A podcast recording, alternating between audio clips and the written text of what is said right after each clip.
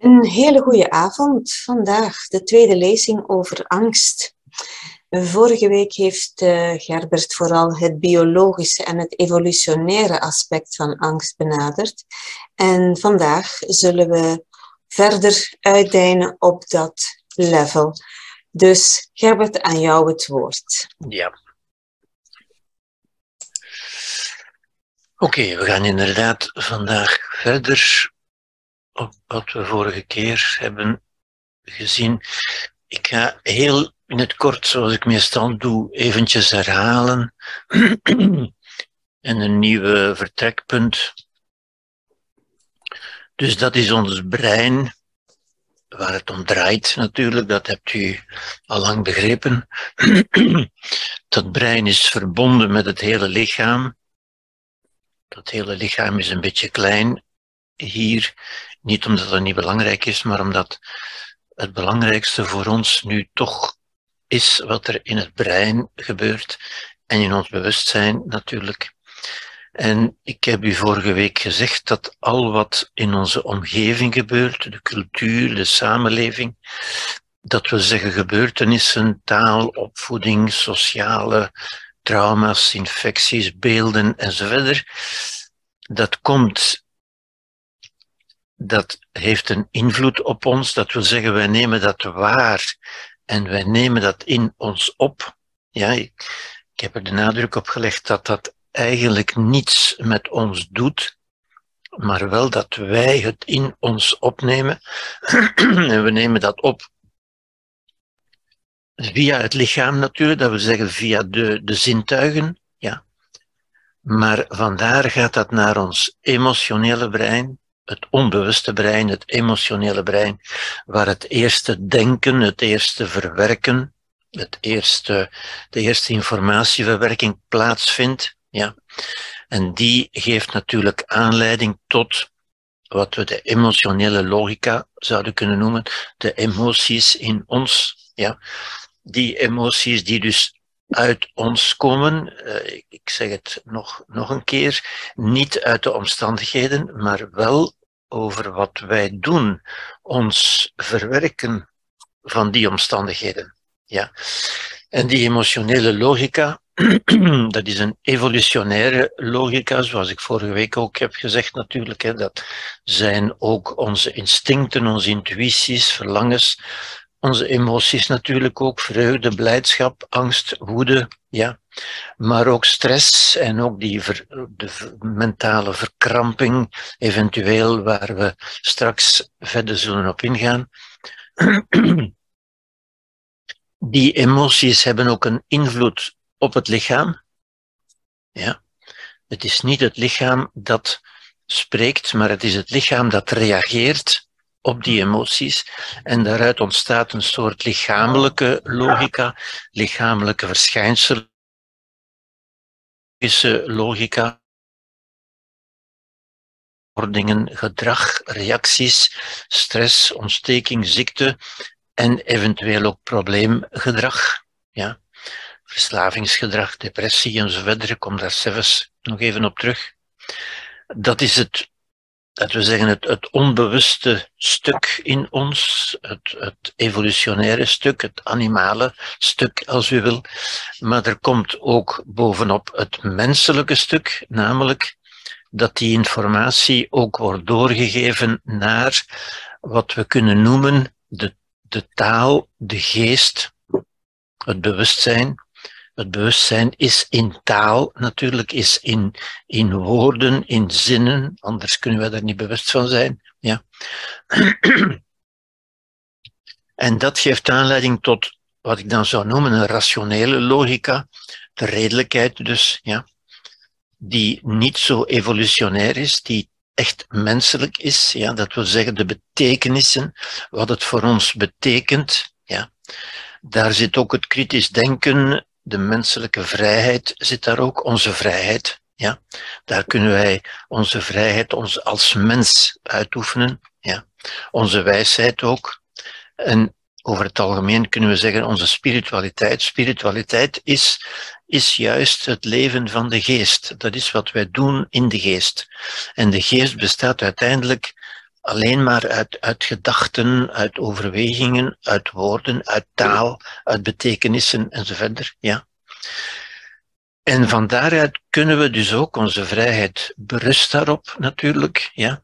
Vanuit dat bewustzijn kunnen we de onderliggende niveaus, met name de emoties en dus ook het lichaam, weer gaan sturen, zou ik zeggen. Ja. En dat is onze, dat is bij een volwassene het bewuste leven. Het bewuste, bewust gekozen, het bewust overwogen leven. Ja. Nu, zoals ik het nu voorstel hier, en dat is ook hoeveel mensen het ervaren en het denken dus ook, ja, worden wij geleefd door de omstandigheden, door wat er bij ons binnenkomt. Dit is wat er bij ons binnenkomt, dit is wat er buiten gaat. Ja? Nu, binnenkomen, dat, dat komt niet echt binnen natuurlijk. Hè. Wij nemen het binnen en hier doen we er iets mee in de buitenwereld. Ja? Nu, als we bewust gaan leven, kunnen we die afhankelijkheid van de externe wereld natuurlijk verminderen. En kunnen we die vervangen door wat we zelf doen. Met andere woorden, oh, dat, is niet wat ik bedoelde. Ah ja. Ah nee. Ja, er is iets wat ik. Ja, goed. Oké, kom daar dadelijk op terug wat wij kunnen doen om dit hier, om hier iets mee te doen. Ja. Dit hebben we vorige keer gezien. Ik herhaal dat maar heel in het kort.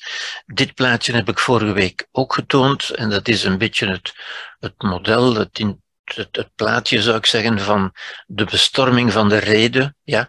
Dus de, de reden die hierboven zit natuurlijk. Ik heb dat vorige week ook ons parlement genoemd. Ja? dit zijn de emoties en die emoties kunnen soms proberen, soms met succes, van de redelijkheid over te nemen, van de redelijkheid te bestormen, zou je kunnen zeggen. Dat is wat mensen dan noemen, dat ze, dat ze in beslag genomen worden, overweldigd worden door een emotie, bijvoorbeeld door angst of bijvoorbeeld door woede. Ja. Dat kan natuurlijk, ja. Het is dan zaak van zo snel mogelijk terug het bewustzijn over te nemen, zou ik zeggen. Maar daar komen we straks op terug. Dus dit plaatje hebben we gezien. Ehm, in het volgende plaatje toon ik een beetje hetzelfde, een klein beetje anders uh, geschikt om, om toch ook weer een andere visie, een ander perspectief te geven natuurlijk. Hè. Dus we beginnen altijd in de buitenwereld. De buitenwereld is wat ik noem de externe context. Ja. De context is al wat zich rondom ons afspeelt. Ja. Dat is wat we de objectieve orde kunnen noemen. Objectief, omdat dat voor iedereen waar te nemen is. Ja, als het slecht weer is, of als, of als iemand u agressief behandelt of benadert, dat valt door iedereen waar te nemen. Iets wat door iedereen waar te nemen is, dat is objectief. Ja. Dat is wat vele mensen ook de oorzaak zullen noemen. Ja, en zit ik plaats de oorzaak tussen aanhalingstekens. Ik zal u dadelijk zeggen waarom. Omdat dat natuurlijk niet de echte oorzaak is, maar wat veel mensen de oorzaak noemen. Ja? Um, mensen, als mensen dat de oorzaak noemen, dan maken ze zich eigenlijk afhankelijk van de buitenwereld, van wat er om hen heen gebeurt dan denken ze ook dat die buitenwereld iets aan hen doet. Daarom is het zo belangrijk van te beseffen dat de buitenwereld eigenlijk niets aan ons doet. Wij doen iets met de buitenwereld. Een buitengewoon belangrijk idee om, om vast te houden, zou ik zeggen. Dus de buitenwereld is eigenlijk nooit de oorzaak. Ja? Die, dat is wel de feitelijkheid die er is, dat is wel de context en dat is dus ook wat we zouden kunnen noemen de aanleiding. Het is een beetje de, de, de trigger, als u wil. Ja? Maar het is niet de oorzaak.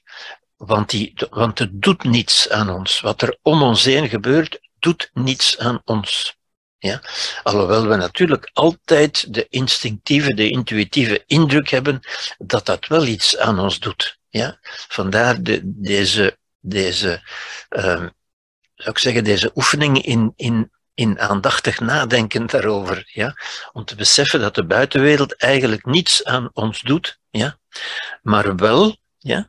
Dus die komt ook niet bij ons binnen, zoals men dat vaak zegt, hè? Of, dat, of die hakt er niet op in, of, of hoe dan ook, of die, die doet niets. Wij nemen ze binnen. Het is actief. Wij nemen ze actief binnen. Ja? En u kunt zich dat gerust uh, of, of makkelijk indenken als gelijk wat er gebeurt. Als dat achter uw rug zou gebeuren en u hebt het niet gezien, dan doet het niets. Ja? Het is alleen maar het moment dat u het ziet, dat wij het zien, want op dat moment nemen wij het naar binnen. En wij maken daarvan, wij doen daar iets mee. Namelijk, wij maken daarvan een interne context. En dat is een transformatie. We, we transformeren dat, ik ga daar dadelijk op terugkomen, wij, wij transformeren dat tot een interne context. Maar dat is wat wij doen. Ja? En de interne context, dat is de imaginaire orde, dat is wat wij ons voorstellen, ons inbeelden. Het beeld van de buitenwereld dat we in ons opnemen, dat is de ingebeelde buitenwereld, ja, die als het ware in onszelf op dat moment aanwezig is. Ja. er is wat ik de subjectieve beleving zou willen noemen. Ja?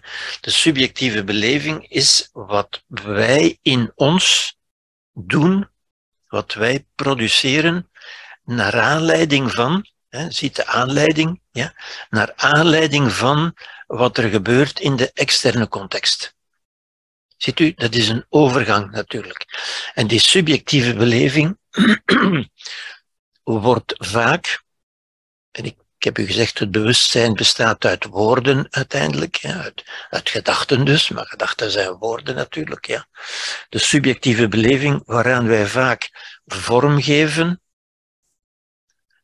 door symbolische betekenissen. En die betekenissen zijn bijvoorbeeld wat we zeggen van, voor mij betekent dat. Voor mij betekent dat een aanslag. Voor mij betekent dat een kaakslag. Of ik vind dat een belediging. Ik vind. Maar zie je, dat is wat wij doen met wat er in de buitenwereld zich heeft voorgedaan. Iemand heeft iets tot ons gezegd, heeft woorden gesproken. Dat is de feitelijkheid. Dat kan iedereen waarnemen. Iedereen kan die woorden horen. Iedereen zal moeten zeggen, ja, die woorden zijn uitgesproken. Maar u kunt zeggen, of mensen kunnen zeggen, ik vind dat een belediging. Terwijl iemand anders zou kunnen zeggen, ik vind dat een grapje. En nagelang wat wij daarvan vinden, creëren wij de subjectieve beleving. Ja? Een aantal van die woorden zijn, staan hier. Hè. Ik vind dat vreselijk, ik vind dat een verlies, een mislukking, een tegenslag, een slag in het gezicht, enzovoort, een belediging, een gemis, enzovoort. Dat zijn de subjectieve woorden waarmee we onze interne context vormgeven. Dat is dus niet de buitenwereld, dat is wel onze binnenwereld. Dit zijn betekenissen. Ja? Niemand kan zien dat dat een tegenslag is. Maar u kunt zeggen voor mij, of ik vind dat een tegenslag, of ik vind dat een belediging, of een slag in mijn gezicht, of iets dergelijks. Ja? Maar daarmee creëren wij, maken wij betekenissen door de woorden die wij gebruiken. Ja? En dat speelt zich natuurlijk, dus dat is, uh, dit proces uh, stel ik een beetje voor als wij verpakken dat. Dit zijn verpakkingen, ja. Wij geven aan de externe context, geven wij een subjectieve verpakking, een subjectieve kleur, als u wil, ja.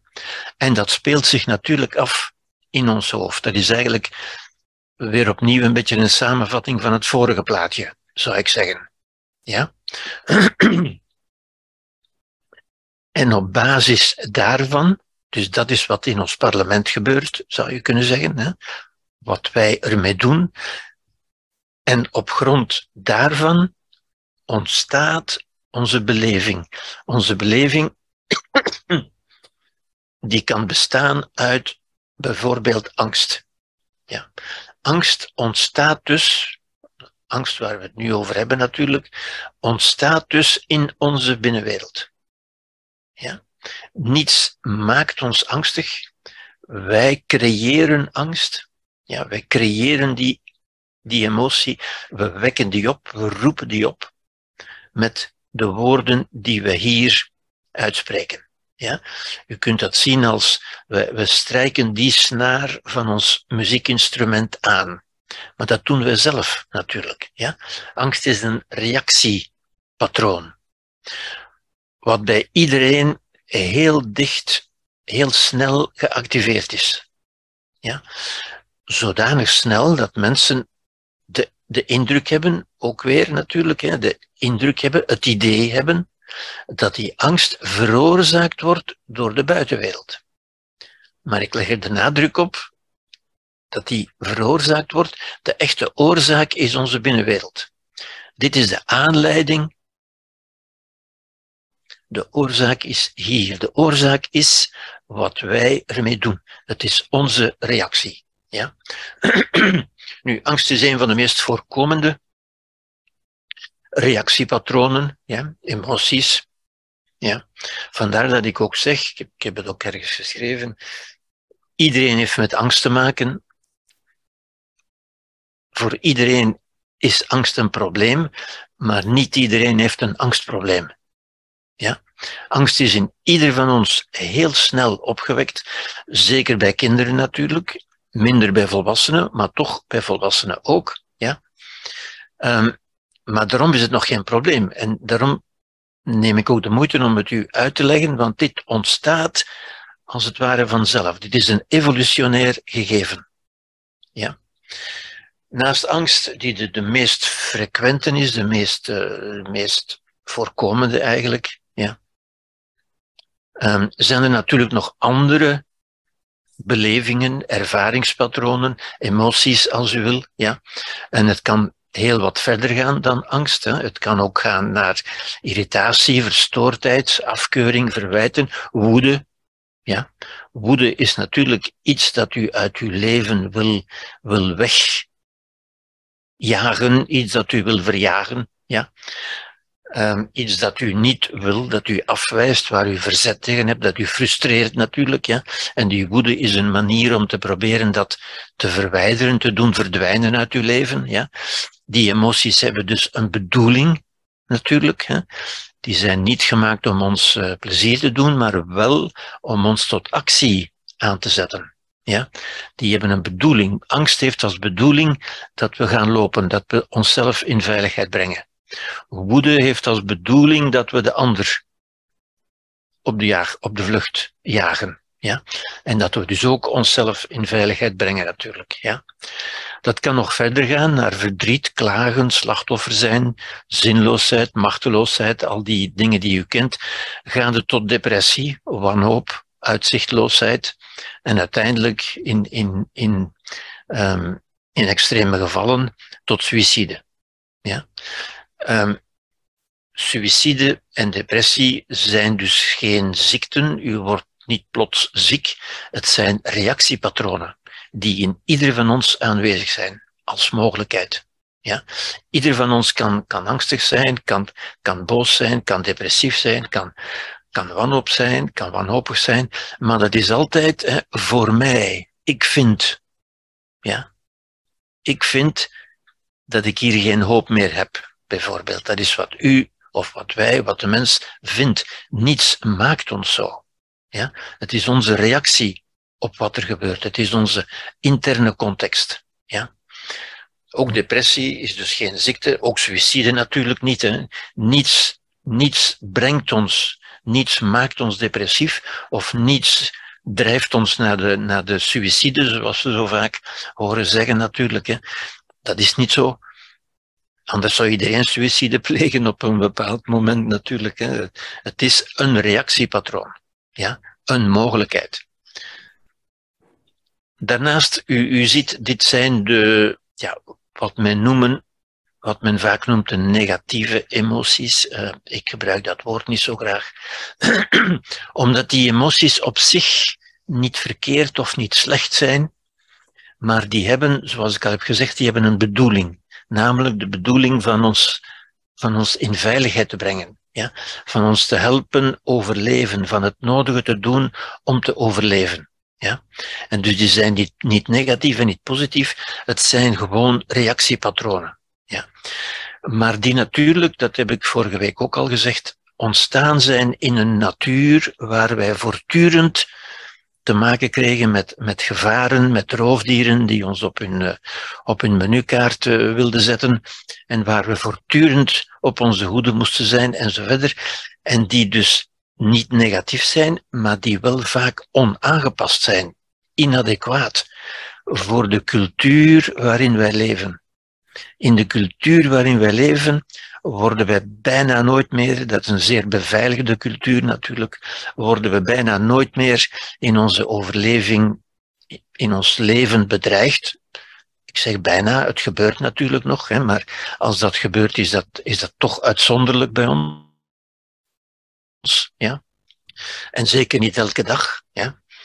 Um, en dan zijn die emoties nog altijd nuttig. Het is goed van angstig te zijn als er gevaar op je afkomt, want die angst geeft je de energie om te gaan lopen, of geeft je de energie om, om de ander op de loop te drijven. Dat is dan de woede natuurlijk. Ja?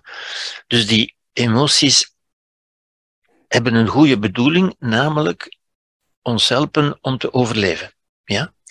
Maar in onze cultuur is dat vaak meer een hinder dan een echte hulp. Ja? Als wij boos worden op een collega, dat helpt eigenlijk niet echt. Ja? Of als we angstig zijn voor, voor, voor wat dan ook, dat helpt meestal niet echt. Ja? Gelukkig kunnen we ook andere, u, u ziet, deze zijn een beetje gegroepeerd naar, naar beneden toe. Er zijn ook andere emoties mogelijk, hè? bijvoorbeeld de emoties of de, of de ervaringen, zou ik zeggen, van aanvaarding, mededogen, verwondering, verrassing. Ja? Maar ik denk dat u onmiddellijk ziet, hè, ze staan ook in het groen, het is een, het is een andere, zou ik zeggen, een andere dimensie van zijn. Ja? Het zijn niet deze emoties die op overleving gericht zijn, het zijn meer de emoties ja, die, die we als vaak positiever noemen, ja, die meer op toenadering gericht zijn dan op, op verwijdering. Ja. Um, naast, en waar we ook iets moeten voor doen. Ja. Um, iedereen kan dat doen, iedereen is in staat tot mededogen, tot aanvaarding, maar niet iedereen doet het. En het komt ook niet zo vanzelf. En u ziet, de, die onderste komen heel vaak vanzelf. Ja? Als reactie op iets wat wij heel snel beoordeeld hebben als bedreigend, bijvoorbeeld. Als ongewenst, als gevaarlijk. Ja? En dat komt bijna vanzelf. Voor deze moeten we wat meer bewustzijn hebben. Moeten we om te beginnen het bewustzijn hebben dat deze emotie, die onderste hier, niet zo gepast zijn, niet zo aangepast zijn, ja, dat we die eigenlijk niet nodig hebben en dat we meer kunnen deze emoties creëren. Ja. En dat creëren is natuurlijk een belangrijk woord, ja, want u ziet zoals deze emoties gecreëerd worden door die woorden hier, ja, zullen we andere woorden moeten gebruiken, moeten vinden om dit soort emoties te creëren. Ja? En dan ziet u hoe we kunnen leren omgaan met ons creatieve vermogen om emoties te creëren. Ja. En ook dit kan verder gaan. Dat, dat is een heel belangrijk idee, wat de meeste mensen niet beseffen natuurlijk. Ja. Uh, zij beseffen niet, niet omdat ze dom of slecht zijn, maar omdat, omdat ons dat niet geleerd wordt, omdat wij daar niet dat niet aangereikt krijgen in feite, ja, dat deze emoties uit ons komen en intuïtief ja, lijkt het altijd alsof die emoties ons gegeven worden door de omstandigheden. Ja. Goed, ook dit kan verder gaan. In plaats van mededogen kunnen we nog verder gaan naar dankbaarheid, bewondering, enthousiasme. Ja, ziet u, dat kunnen we ook creëren als we ons in die state of mind zetten. Ja? Dat is wat we kunnen doen in ons parlement, zoals ik vorige week heb gezegd. Ja? In ons parlement, in ons bovenste verdieping, kunnen we nagaan van zijn dat wel gepaste reacties? Kan ik niet anders reageren? Dat is de parlementaire functie, ja, zonder de welke mensen, en dat gebeurt nogal eens, ja, in, zoals ik vorige week heb gezegd, in een, in een emotionele dictatuur leven. Ja. En dat gebeurt dus ook natuurlijk. Ja. En dat kan nog verder gaan naar zinvolheid, levenslust, uh, geluk, uiteindelijk uh, levenskunst. Uiteindelijk. En dus u ziet, um, ik heb hier eigenlijk de hele scala gezet deze in het rood en die in het groen.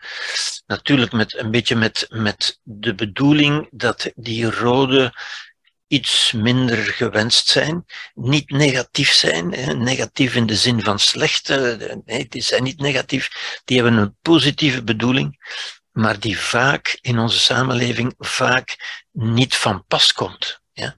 Omdat we niet meer in de natuur leven, maar in een cultuur. En om een, om een cultuur te maken en om een beschaving te maken, zouden we veel meer deze bovenste emoties moeten cultiveren, zou ik zeggen, leren creëren, die trouwens ook ons eigen leven, en dat zult u onmiddellijk begrijpen natuurlijk, ons eigen leven toch een stuk aangenamer zouden maken. Ja? Dus dit is eigenlijk levenskunst natuurlijk, hè, van op dat palet van die verschillende emoties, ervaringen te bekijken en, en de keuze te maken, gebruik te maken van uw vrijheid als volwassene, ja, om te kiezen hoe ga ik hier reageren. Ja. U begrijpt natuurlijk ook uh, dat bijvoorbeeld kinderen dat veel minder makkelijk kunnen, omdat kinderen natuurlijk om te beginnen woorden leren van de volwassen wereld, maar ook nog niet dat zo'n ontwikkeld parlement hebben, zo'n ontwikkeld bewustzijn, ja, en dat nog niet zo makkelijk kunnen overschouwen en daar een vrije keuze in maken. Ja. Kinderen moeten dat nog leren en zouden dat moeten leren, kunnen dat ook alleen maar leren van volwassenen die het zelf kunnen, natuurlijk. Ja. Um, en er ligt nog één, ja, uh, hier, eh, dus emoties en gedragspatronen, dus al wat hier staat, dus al die reactiepatronen, worden niet bepaald door oorzaken, factoren of omstandigheden, maar door oordelen. Hoe wij erover oordelen. Ja? En u ziet al deze woorden hier, zijn oordelende woorden. Ja? Ik beoordeel wat er gebeurt als vreselijk, als een verlies, als een mislukking, als een tegenslag enzovoort. Dat zijn oordelen. Ja? Maar die natuurlijk heel snel en heel vlug in ons gemaakt worden, ook omdat we deze woorden heel vaak horen. Ja? Terwijl er anderen zijn die we veel minder horen natuurlijk. Ja? Dat is wat Martha Nussbaum zei. Martha Nussbaum is nogal een bekende Amerikaanse filosoof die daar ook veel over nagedacht heeft natuurlijk. en die zei, wij kunnen het hart niet veranderen zonder een ander verhaal te vertellen. En dat is ook in een, in een notendop, is dat ook weer levenskunst eigenlijk. Want wat zij bedoelt met het hart is natuurlijk niet het hart, zij bedoelt daarmee de emoties, de emotionele patronen die hier staan, die hele range hier, die hele, dat hele palet van mogelijke gedragspatronen, ervaringspatronen, kunnen we niet veranderen zonder een ander verhaal te vertellen. En het verhaal, ik zal er ook nog op terugkomen natuurlijk, het verhaal, dat zijn de subjectieve, de symbolische betekenissen. Het verhaal is opgebouwd uit deze woorden hier. Ja? Als wij iets beoordelen als vreselijk, als een verlies, wel dan zal er bijna automatisch een van deze onderste reactie, emoties opkomen. Ja? Angst, ja. En mensen zullen zeggen, bijvoorbeeld, ze vinden het moeilijk te zeggen, hoe kan ik dat nu met mededogen beoordelen? Of hoe kan ik dat nu aanvaarden? Ze zeggen tegendeel heel gemakkelijk, dat kan ik niet aanvaarden. Ja? niet aanvaarden, dat leidt tot woede, tot afkeuring, tot verzet en zo verder. Ja? En ziet u het, het, het samenspel van wat er gebeurt in ons parlement eigenlijk, ja? en hoe dat zich in onszelf, tot onszelf, richt uiteindelijk. Wat we eigenlijk daarmee onszelf aandoen. Hoe we onszelf angstig maken, of kwaad maken, of, of depressief maken. Ja? en als u dat begrijpt, en een volwassene kan dat begrijpen natuurlijk, ja, wel dan begrijpt u ook dat we daar verantwoordelijkheid voor hebben en die dus ook moeten nemen. Ja? Want we kunnen niet zeggen, sorry, we kunnen dat wel zeggen. Mensen zeggen natuurlijk heel vaak, en dat is een deel van het probleem, dat we altijd horen van dit of dat heeft mij zo gemaakt. Maar als we bewust leven, dan moeten we beseffen, niets heeft mij zo gemaakt, ik heb mezelf zo gemaakt. En dus we moeten niet de anderen beschuldigen of, of, wat dan ook. We moeten bij onszelf nagaan. Wat heb ik gedaan? Hoe heb ik gedacht? Welke beelden heb ik in mezelf gegenereerd? Die misschien van vroeger komen, hè? dat kan best zijn. Maar waar je toch verantwoordelijk voor bent. Ja? Om mij zo te voelen, om mij zo kwaad te maken, om mij zo angstig te maken, en zo verder. Ja? Goed. Er ligt nog één houding hier netjes tussen, ja, die ik de neutrale houding zou noemen en die ik ook soms de antropologische houding noem, omdat dat de houding is, zou ik zeggen, van de antropoloog. En dat is een bijzonder interessante houding, want een antropoloog, u, u weet wat die mensen doen, die gaan naar andere culturen kijken, meestal wat oudere culturen, wat primitievere culturen, om die te bestuderen, om die te onderzoeken, om zich af te vragen van kijk, hoe, hoe leven die mensen en waarom doen ze dat zo? En die stellen ook vragen van, tja, waarom doen jullie zo? Of waarom denken jullie daar zo over? Wat is jullie informatie? Wat zijn de redenen? Enzovoort. Met andere woorden, die proberen te begrijpen. Ja? Maar wat die niet doen, en daar, daar kunnen we natuurlijk een voorbeeld aan nemen, want we kunnen die houding ook bij onszelf aannemen. We kunnen eigenlijk zeggen, andere mensen, elk ander mens is eigenlijk een andere cultuur, waar ik mij als een antropoloog kan toe verhouden. Die ik kan proberen te begrijpen, waar ik vragen kan bij stellen van, van hoe komt dat, hoe heb je gedacht om je zo te gedragen, en zo verder. Ja? Ik kan dat proberen te begrijpen. Het is de begrijpende houding, in tegenstelling tot wat een antropoloog niet doet, dat is de voelende houding. Die antropoloog die gaat niet met het idee van die mensen moeten zorgen dat ik mij goed voel. Ja, nee, een antropoloog is de, is de volwassene bij uitstek die zich natuurlijk altijd goed voelt en die niet de andere verantwoordelijk stelt voor zijn eigen emoties. Hij gaat ook niet om emoties. Hij gaat ook niet met emotionele oordelen. Hij gaat om te begrijpen. Ja? En dat is de houding die wij uiteindelijk ook zouden kunnen aannemen en die ik eigenlijk een aanbevolen houding vind, zo een beetje zoals het hier ook staat, ik zou zeggen als tussenstap tussen die, deze wat, wat moeilijke emoties, wat minder gepaste emoties, zou ik zeggen. Ja? Ik zeg met opzet niet negatief natuurlijk, want die zijn niet negatief, ja? maar die zijn vaak minder gepast, minder adequaat, minder volwassen eigenlijk ook, minder antropologisch. Ja? Hier worden we meegesleept door onze emoties. Ja? Hier gebruiken we meer onze redelijkheid. Ja? Met onze redelijkheid kunnen we tot mededogen, tot dankbaarheid, tot empathie enzovoort komen. Ja? En daartussen ligt die antropologische houding. De antropologische houding die niet nee en niet ja is. Die, die niet oordeelt.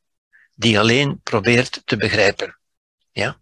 Dat is de houding die we natuurlijk, uh, die een volwassene zou kunnen aannemen als tussenstap uit deze rode zone ja, naar die groene zone toe. Ja.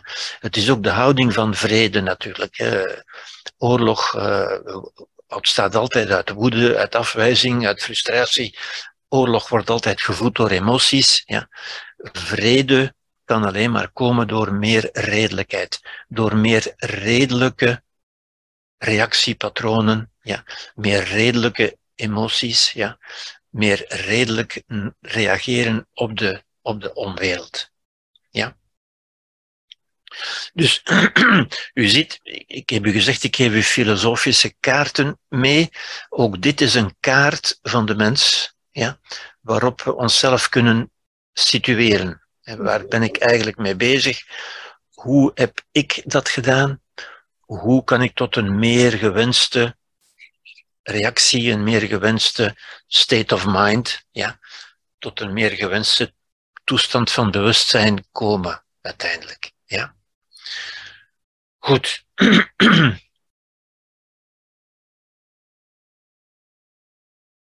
Een heel belangrijke heel belangrijk inzicht, denk ik. Hè. Hier zitten ook weer verschillende inzichten bij elkaar. Ja. Goed.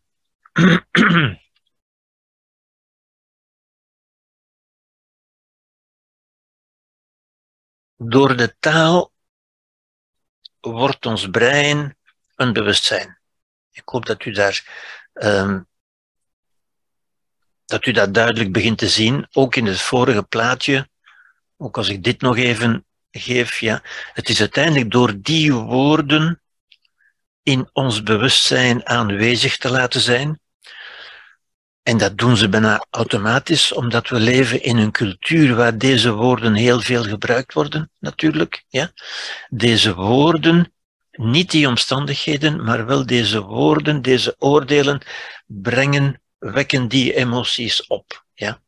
Nu, meer in het algemeen, het is juist door die taal, dieren doen dat nooit natuurlijk. Hè. Dieren reageren echt op de objectieve werkelijkheid. Maar de mens geeft daar betekenissen aan. Dat is het typisch menselijke natuurlijk, maar dat is ook waardoor hij zichzelf in al die toestanden kan brengen, maar dat is ook zijn vrijheid als hij het beseft natuurlijk. Ja? En dus u ziet, als we ons afvragen, wat is eigenlijk het bewustzijn? Wel, het bewustzijn is die mogelijkheid om betekenissen te geven, om talige betekenissen te geven. Ja? En dus we kunnen zeggen, door de taal wordt het brein een bewustzijn. Ja? Dat, dat zegt ook weer wat wij, wat er gebeurt doen we niet met ons brein, maar wel met ons bewustzijn. Ja? Het brein is maar het, is maar het orgaan, zou je kunnen zeggen, maar het is het bewustzijn. En de link, het, het verband tussen brein en bewustzijn is de taal. Ja? Door de taal wordt het brein, dat biologische orgaan, wordt een, een geest, zou je kunnen zeggen. De geest is wat wij maken met ons brein ja, door de taal. Ja. Daardoor creëren wij beelden, want met woorden, met een taal, roepen wij ook beelden op, natuurlijk, hè, beelden van het verleden of van andere plaatsen. En creëren we een interne context met imaginaire concepten, zoals mislukking of belediging enzovoort. Dat zijn concepten, dat zijn, dat zijn ideeën, dat zijn geen realiteiten, dat zijn ideeën. Ja?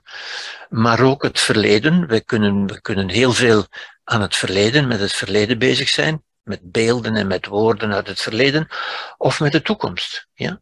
En ik denk dat ik het u al gezegd heb, ons brein zit in onze schedeldoos, maar ons bewustzijn kan overal zijn overal, in alle tijden, in het verleden, in de toekomst en op alle plaatsen van de aarde en zelfs op de maan of, of op Mars, uh, als u wil. Ja. Ons, ons bewustzijn is quasi onbeperkt. Ja. En dat is nogmaals wat ons tot mens maakt natuurlijk. Maar het is zo'n danig krachtig gegeven instrument, zou ik bijna zeggen, ja, dat we dat ook moeten leren gebruiken. Het is als een muziekinstrument dat we tot ter beschikking hebben, maar waar we moeten leren op spelen, in feite. Ja? En u kunt die, die, die vorige, het vorige plaatje, u kunt al die toestanden, u kunt dat zien als snaren die wij kunnen aanstrijken. Wij kunnen het instrument leren bespelen. Ja.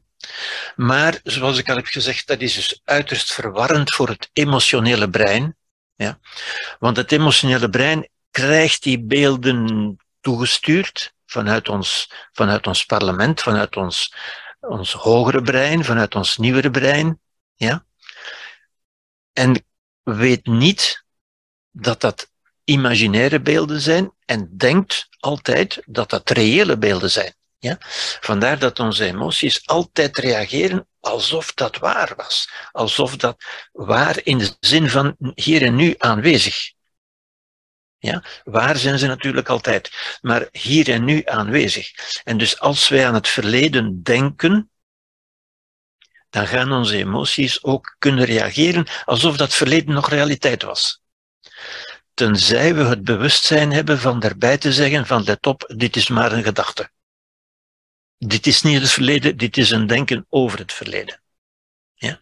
Maar ziet u dat het is een, het is een instrument met veel mogelijkheden, maar waar we dus ook met een zeker bewustzijn en met een zekere zorgvuldigheid moeten leren mee omgaan.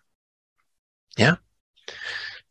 Nu, dat wat ik u hier nu zeg, wordt eigenlijk bijna nooit, denk ik, zo uitgelegd. Hè. We leren dat in de praktijk. Door imitatie, zonder erbij stil te staan wat we eigenlijk aan het doen zijn. Ja? Dus het emotionele brein dat door deze beelden geleid en misleid wordt. Ja? Geleid als het gaat over beelden die in de buitenwereld, die hier nu echt aanwezig zijn, dan zijn die emoties ook van toepassing. Hè? Als iemand met een mes op u afstormt, bijvoorbeeld, dan is het gepast, adequaat en goed dat u heel angstig bent en gaat lopen. Maar dan reageren die emoties ook op een beeld dat er nu is. Ja? Maar als u denkt aan, een, aan iets wat u tien jaar geleden hebt meegemaakt en u bent daar nog van de kaart van, ja, dan reageren uw emoties op een beeld van iets wat er tien jaar geleden was. En ziet u het verwarrende voor het emotionele brein? Ja? En als u aan de toekomst denkt en denkt wat er allemaal zou kunnen gebeuren, wel, uw emotionele brein denkt dat dat echte beelden zijn. En u kunt zich heel makkelijk angstig maken over wat er in de toekomst zou kunnen gebeuren. En mensen doen dat ook heel regelmatig. Ja? Omdat we niet dat bewustzijn hebben van daaraan te denken aan de toekomst. Hè. We moeten aan de toekomst denken, dat is ook goed, dat is ook, ook verstandig. Maar we moeten erbij denken, opgelet, dit zijn maar beelden. Dit is niet de toekomst. Ja? En waardoor dat emotionele brein zich als in de grot van Plato bevindt. Ja? Ik weet niet of iedereen weet wat de grot van Plato is. Dit is een afbeelding van de grot van Plato. Een, een ongelooflijk idee dat Plato, eh, vierde eeuw voor onze tijdrekening, al had om dit toe te lichten in feite. Hè. Dus u, ziet, al deze ideeën zijn niet zo nieuw. Plato had daar al een, een heel, heel goed zicht op in feite. Ja? En dat is de, de wijsheid. Maar ja, de wijsheid is een beetje verloren gegaan, zoals ik al heb gezegd. Ja. De grot van Plato is dit. Dit is een grot natuurlijk, uh, onder de grond, zoals u ziet. Ja. Hier zitten wij, dat zijn de mens in het algemeen, wij dus. Hè. De mens zit hier onbeweeglijk, vastgehouden, vastgeketend, zei Plato, ja, tegen die muur en de mens kan zich niet bewegen, in feite. Maar de mens ziet voor zich dit soort verschijnselen. Ja? Nu, wij nu hier, die van buitenaf kijken, kunnen zien dat die verschijnselen geproduceerd worden door deze voorwerpen die hier aanwezig zijn. En door dat vuur dat een licht werpt als een projectie, dus dat maakt een projectie op de muur. Maar dat zien deze mensen niet. En deze mensen denken, omdat ze die beter weten, niet omdat ze dom zijn, maar omdat ze onwetend zijn, ja? omdat ze niet dat grotere beeld hebben dat wij van buitenaf kunnen zien, natuurlijk. Hè? Zij denken dat dit de realiteit is. Terwijl wij natuurlijk zien dat dit helemaal niet de realiteit is. Dit is maar een projectie. Dit zijn de fenomenen, zoals Kant zegt, de verschijnselen. Dit is de realiteit, dit zijn de verschijnselen. Ja? U, u zou met wat goede wil kunnen zeggen, dit is de reële context, dit is de interne context. Ja? En dat is echt het idee van de grot van Plato. Ja? Wij denken dat wat wij zien de realiteit is, terwijl het eigenlijk een projectie is van de realiteit. Ja? Nu, wij kunnen nu met, met onze kennis nu, die, die Plato niet had, met onze kennis van, van het brein bijvoorbeeld, met onze cognitieve en, en neurowetenschappelijke kennis kunnen wij zien dat die grot van Plato zich eigenlijk in ons brein bevindt. Zoals ik daarnet zei, wij zien onze interne context en wij denken dat dat de externe context is. En, en dat is de verwarring.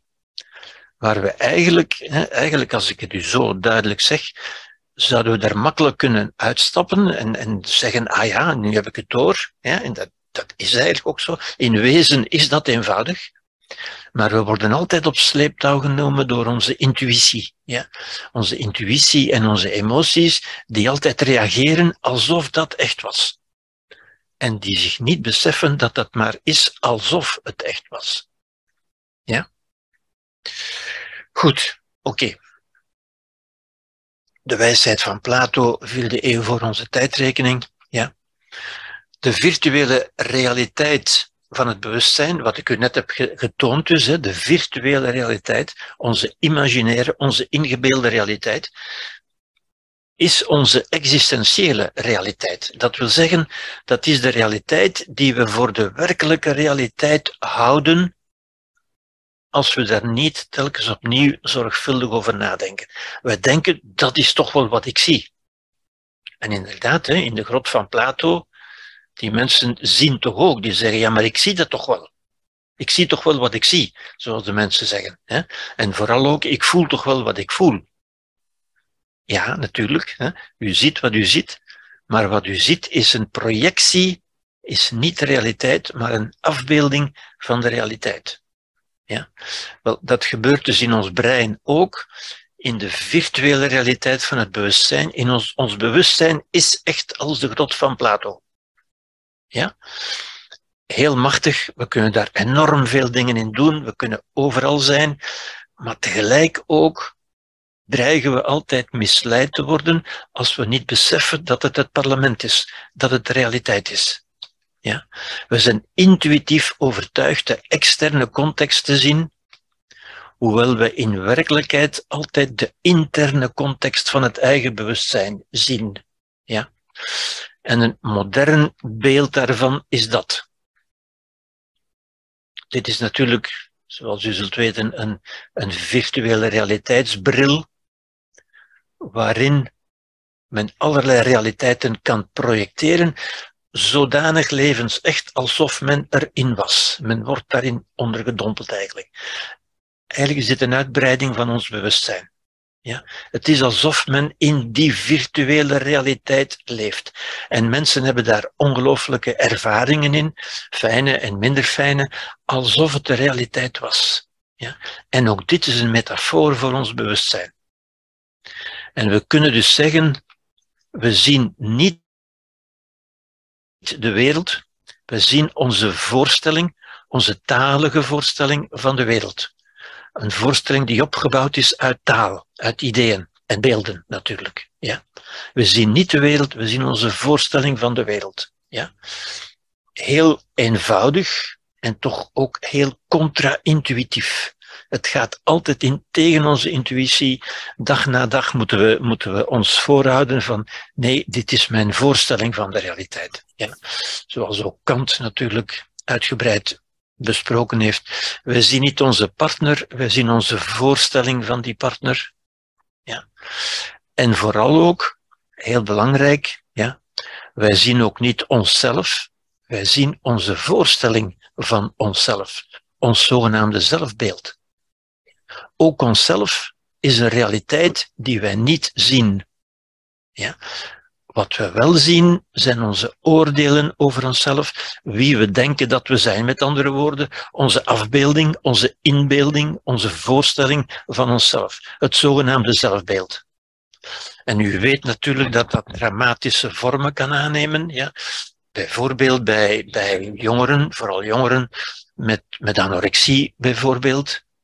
Vooral bij meisjes natuurlijk, maar ook wel bij jongeren, bij jongens.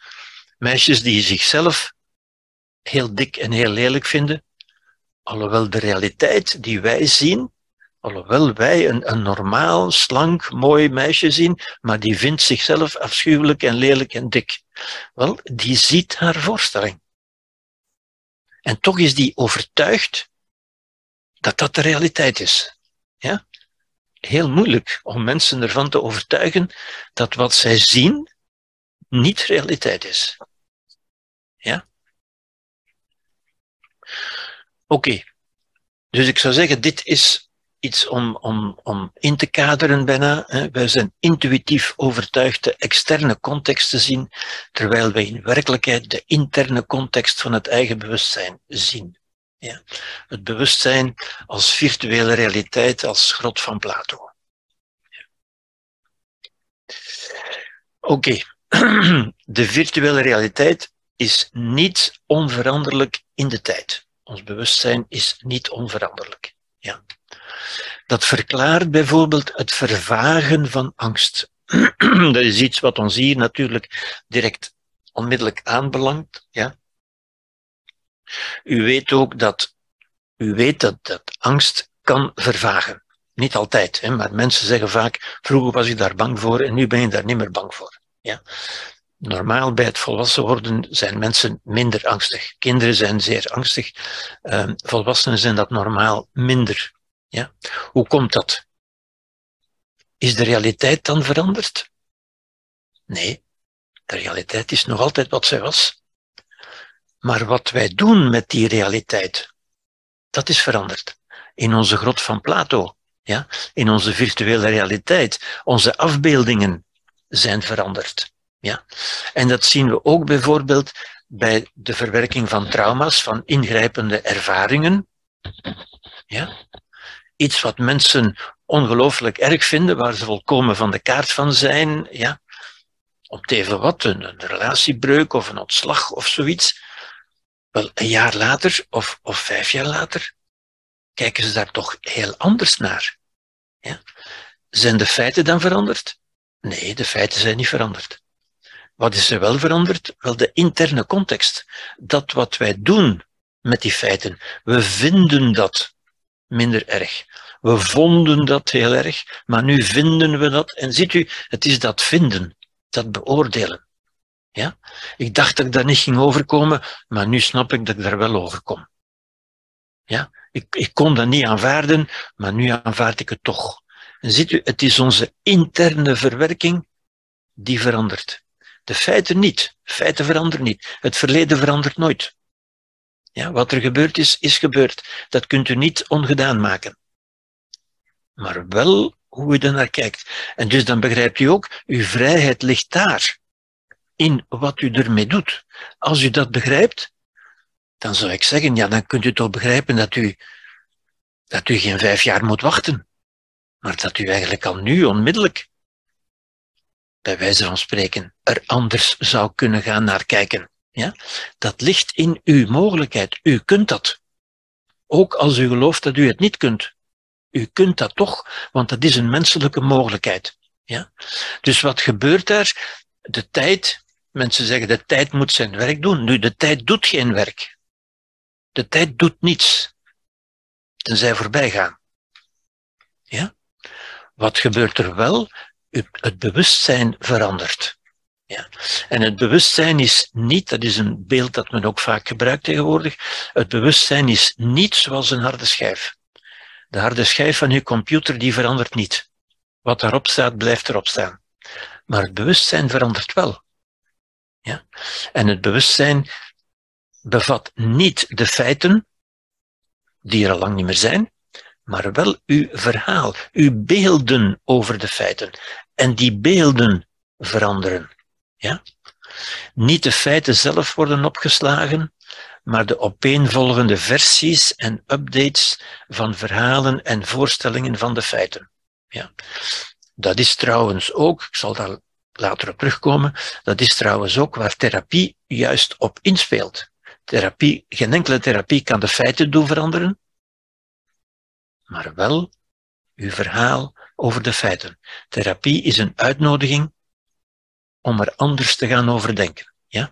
En de handigheid van een therapeut bestaat er juist in van dat op zo'n manier voor te stellen dat, dat mensen dat wat sneller gaan doen. Ja? Als een fotoalbum waarvan de foto's veranderen. Ja? En dat wat u denkt, wat mensen zich nog goed kunnen herinneren, zijn toch altijd de verhalen en de beelden.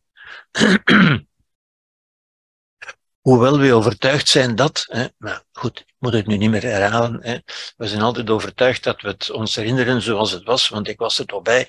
Nee, we herinneren ons de beelden, het verhaal uiteindelijk.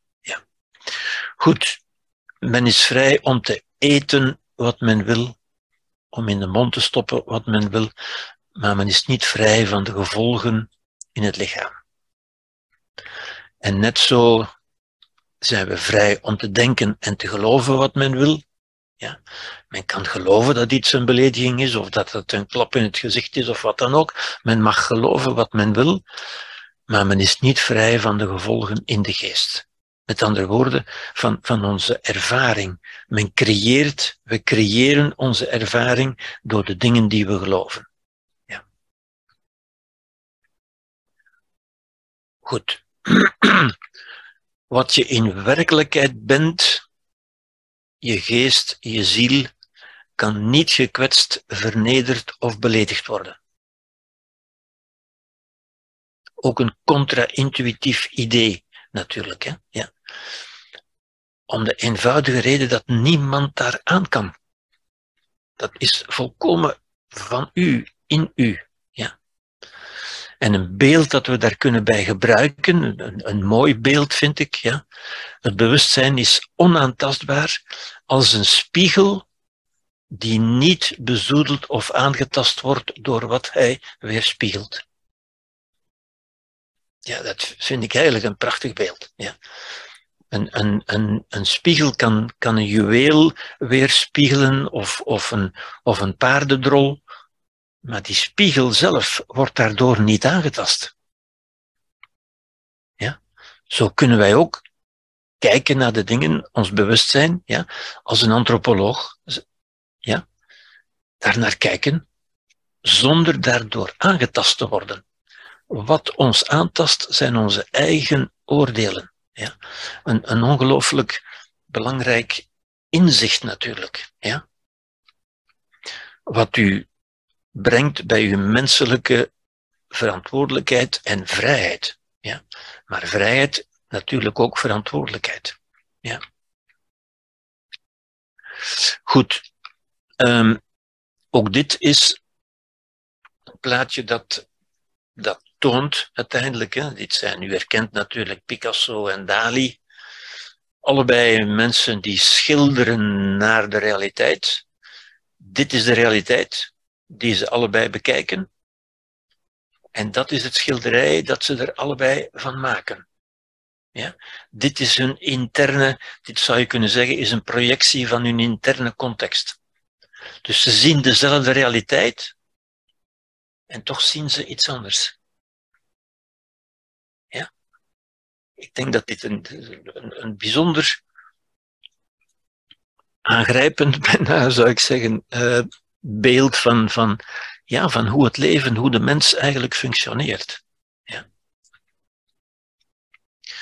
Een ander beeld is dit, wat eigenlijk hetzelfde, hetzelfde idee. Ja. Twee mensen die gevangen zitten in, in de grot van Plato, zou je kunnen zeggen. Ja. Dit is de realiteit die zij zien. En toch schildert de ene dit en de andere schildert dat. Ziet u? Ja? Geen van beiden is dom of slecht. Zij zien allebei hun eigen realiteit. Zo leven wij dus ook, in feite. Ja, dat is de, dat is de betekenis natuurlijk. Oké. Ehm, ik ga hier eventjes onderbreken voor we met dit gaan beginnen. Het is nu de logica van de subjectieve ervaring. Dat hebben we natuurlijk al uitgebreid besproken. Ik, ik, herhaal het hier nog eens eventjes. Wat ik nu net heb gezegd is eigenlijk, dus dit is hoe, zou ik zeggen, hoe we reageren op de, op de buitenwereld. Dit is de buitenwereld, dit is wat, wat we opnemen in ons, ja. We moeten niet zeggen wat binnenkomt, want dat, dat komt niet binnen. Wij nemen het op in ons en wij doen daar iets mee. We reageren daarop, ja. Uh, emotioneel, maar ook rationeel. Dit is wat we dus doen. Ja.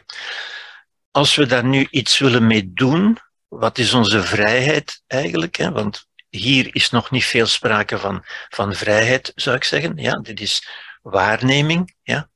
Maar wat we kunnen doen is dit daar in zekere zin afstand van nemen. Ja?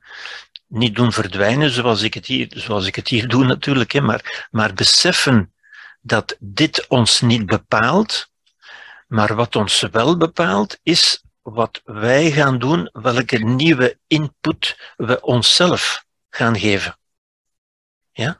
En we kunnen onszelf een cognitieve transformatie geven door nieuwe gedachten te formuleren, te creëren, door anders te gaan denken dan wat wij gewoon zijn, dan wat ons door de samenleving wordt, wordt aangereikt en zo verder, door onze gewoonten te onderzoeken en te veranderen eventueel. Ja? Door dus te zeggen, zoals ik daarnet zei, wat heb ik gedaan om mij deze reacties te geven en hoe kan ik hier anders over denken? Ja, dat is een cognitieve transformatie, maar we kunnen ook een somatische transformatie hebben in bepaalde gevallen. In gevallen van een fobie bijvoorbeeld zal dat nodig zijn, daar kom ik later op terug, door nieuwe ervaringen, door ons vrijwillig, op grond van onze vrijheid en onze wijsheid en, ons, en onze redelijkheid, te onderwerpen aan nieuwe ervaringen. Ja? En u, u weet natuurlijk, ik kom daar ook later op terug, dat mensen die angstig zijn, en zeker mensen met een fobie, die gaan voortdurend dingen uit de weg. Die doen dat niet. Ja? Die nemen geen liften, die nemen geen vliegtuigen enzovoort. Nu, als men dat doet, ja, dan blijft die angst ook onderhouden. Het, hetzelfde patroon blijft zich voordoen. Ja? Men kan alleen er iets aan doen door om te beginnen er anders over te gaan denken. Dat is de cognitieve transformatie. En zich dan vrijwillig, bewust, in de gevreesde toestand te begeven, zou ik zeggen. Ja? Door juist heel bewust dat te gaan doen waarvoor men zogezegd bang was. Ja? Dat is de enige methode om ik zal dat straks, of volgende keer, als ik het over behandelingen heb, uh, verder op ingaan natuurlijk, de zogenaamde exposure. Dat wil zeggen, jezelf blootstellen aan dat waarvan je bang was, om je juist een nieuwe ervaring te geven, om de ervaring te geven van, zie je wel, ik kan dat wel. De gedachte was, ik kan dat niet. Dat is wat je emotie ook altijd zei, van je moet dat niet doen, want dat gaat niet, dat gaat niet lukken. Ja. Zolang je jezelf niet de ervaring geeft van ik kan dat wel, hè, maar goed, ik ga daar nu niet te ver op in, want ik kom daar later op terug. Maar u ziet hier meteen al heel schematisch voorgesteld wat u kunt doen. Zowel cognitief als somatisch. U kunt anders gaan denken en u kunt anders gaan doen. U kunt u een nieuwe gedachten geven en ook een nieuwe ervaring. En dan ziet u uiteindelijk ook dat taal en beeld, woorden en beelden, vormen de brug naar het onbewuste. Het onbewuste zijn ook de beelden, uh, kunnen we bereiken, kunnen we alleen maar bereiken door in het bewuste, in ons bewustzijn, andere woorden en vooral andere beelden te creëren, die worden doorgegeven naar het emotionele brein, naar het onbewuste brein. Ook dat kan men trouwens tegenwoordig, maar ik kom daar ook later op terug, met die virtuele realiteitsbrillen kan men heel gemakkelijk aan mensen nieuwe ervaringen laten ondervinden. En dan geldt als regel uiteindelijk wat je kunt inbeelden, kun je ook realiseren, kun je ook uitbeelden, met andere woorden. Ja? Wat je kunt voorstellen, kun je ook doen. Ja? En dat inbeelden, dat voorstellen, daar moet u soms een beetje, um, zou ik zeggen, een beetje kordaat bij zijn, een beetje, een beetje um, ja, moed hebben om het, om het toch te doen. Ja. Vandaar dat men ook zegt dat dat fameuze um, gezegde, wat, wat zo banaal lijkt, maar wat toch een diepe waarheid heeft. Hè? If you can fake it, you can make it. Ja? Als je kunt doen alsof, dan kun je het ook gaan, echt gaan doen, uiteindelijk. Ja? Maar goed, ik kom daar later op terug. Dus wat kunnen we doen ten aanzien van ideeën, meningen, herinneringen, indrukken? Ja? Van mensen die zeggen, ja, maar ik heb de indruk dat, en ik heb, die, ik heb de indruk dat ik dik en lelijk ben, bijvoorbeeld, hè, alhoewel objectief gezien, ja. Wel, niet vechten of proberen er niet aan te denken, ja. Ook met het verleden bijvoorbeeld, hè, of, of ook met de toekomst, ja. Ik ben bang dat mijn ouders gaan sterven, ja. En ik probeer daar niet aan te denken, want ik weet niet wat ik dan zou doen, ja. Dat is natuurlijk niet de goede methode, ja. Want redelijkerwijze snapt zou men kunnen snappen ja, dat het toch gaat gebeuren. En dan zal het gebeuren, dan zal het u overvallen. Ja. Ik denk, men kan er veel beter juist wel aan denken. En er juist veel aan denken. Ja. Om in het brein al de paden, de wegen te bewandelen die men in de realiteit wil doen. Er anders aan denken met wijsheid. Niet van, oh nee, dat gaat een ramp zijn, een catastrofe, en ik ga dat niet aan kunnen. Als u dat denkt, u, u mag dat denken natuurlijk, hè, maar dan creëert u dat ook. Ja? Alles wat u denkt, u mag denken wat u wil, maar het heeft gevolgen voor uw karakter, uw persoon, uw handelswijze. Ja? Ten aanzien van ongewenste emoties, niet vechten, vluchten, onderdrukken, dat, dat zou zijn emotie bestrijden met emotie. En dat woord bestrijden alleen al is, is een woord dat zoveel wordt gebruikt. We moeten dat bestrijden. De strijd tegen, tegen drugs, tegen armoede, tegen, tegen kanker, tegen weet ik veel. Maar een strijd, dat maakt juist emoties wakker. Ja? Dat maakt u strijdvaardig. Terwijl er geen strijd is niet anderen beschuldigen en ze dus de macht geven, ook niet uw verleden nog de macht geven over u, eigenlijk de macht zelf nemen. Nog het verleden, nog de toekomst, nog de anderen, nog wat er nu is, een macht geven over u. Ja. En dat vergt natuurlijk een beetje inzicht. U moet om te beginnen beseffen dat dat mogelijk is, dat dat kan, dat u het ook kan. En dan moet u gemotiveerd zijn om het ook te gaan doen. En de motivatie kan alleen maar zijn dat u daarmee toch een aangenamer leven zult krijgen. Waarom zou u iets doen dat lastig is, dat moeilijk is? Wel, omdat u daardoor juist een beter leven gaat krijgen. Met minder angst, met meer vrijheid, met meer volwassenheid. Maar het beeld veranderen dat die emotie gewekt heeft. Dus dat is ook weer verantwoordelijkheid nemen. Hoe heb ik die emotie in mezelf wakker gemaakt? Het is zo makkelijk om te zeggen, anderen hebben dat gedaan. Dat is makkelijk en dat is in eerste instantie, geeft dat genoegdoening, want u weet wie u kunt beschuldigen, maar het stelt u zelf ook in de onmacht. U geeft uw macht daardoor uit handen. Bewustzijn van het belang van beelden. En ten aanzien van gedrag natuurlijk, ongewenst of ongepast gedrag, waaronder verslaving bijvoorbeeld, ja, maar ook ander gedrag. Stop met excuses. En een van de geliefkoosde excuses is natuurlijk, het was sterker dan mezelf. Wat natuurlijk volkomen absurd is, want niets is sterker dan uzelf. Ja. Verantwoordelijkheid nemen beseffen, het was uw gedrag, het was mijn gedrag, het waren mijn spieren. die ik in beweging kan zetten met mijn emoties en met mijn gedachten. Ja. En ziet u, dat zijn allemaal stappen naar volwassenheid. En volwassenheid is eigenlijk, zou moeten zijn, de filosofische houding, de antropologische houding. Dat is dus absoluut niet gevoelloosheid, maar dat is wel niet als een blad in de wind uw gevoelens laten bepalen door gelijk welke voorbijganger, maar zelf het stuur in handen nemen. Ja, bewust leven. En betrokken zijn en aandacht hebben en belangstelling hebben voor andere mensen, dat is helemaal iets anders dan, dan u emotioneel laten meenemen natuurlijk. Goed. Is de mens wel vrij? Dat is natuurlijk een, een grote vraag, want ik heb het ook al over vrijheid gehad.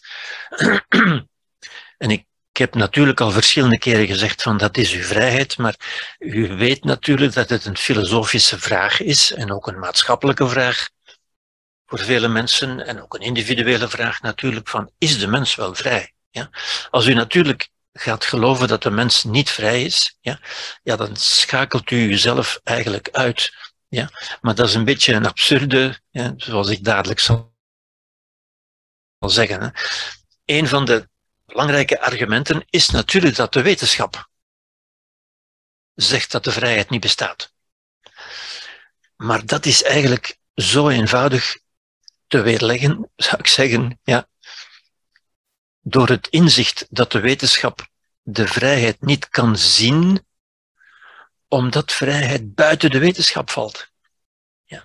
Vrijheid is in tegenspraak met de wetenschap. Wetenschap kan alleen dingen zien die altijd hetzelfde zijn, die voorspelbaar zijn, die te begrijpen zijn. En de mens, als mens, niet als materieel object, niet in zijn lichaam, niet als biologisch object, maar wel als bewust wezen valt buiten de wetenschap. En ook dat is een moeilijk idee tegenwoordig, want men, eh, er bestaat zo het idee, en de wetenschap houdt dat mee zelf in stand natuurlijk, dat de wetenschap op alles antwoorden heeft. Ons de echte waarheid zal leren kennen. Wel, dat is helemaal niet zo. Ja? Wetenschap is perfect voor dingen, voor, voor de materiële wereld, is al veel minder werkzaam voor de biologische wereld en is helemaal niet werkzaam voor de mentale, voor de geestelijke wereld. Ja? En dus de, de geesteswetenschap is eigenlijk een contradictio. Over de geest bestaat geen wetenschap, juist omdat de mens vrijheid heeft, omdat er vrijheid is. En over iets wat vrijheid is, kan men geen voorspellingen doen. Ja? Als u een steen laat vallen, dan kunt u voorspellen dat die zal vallen. En waar en met welke kracht. Maar als u een duif in uw hand hebt en u laat die duif los, wel, dan kunt u wel niet meer voorspellen wat die gaat doen.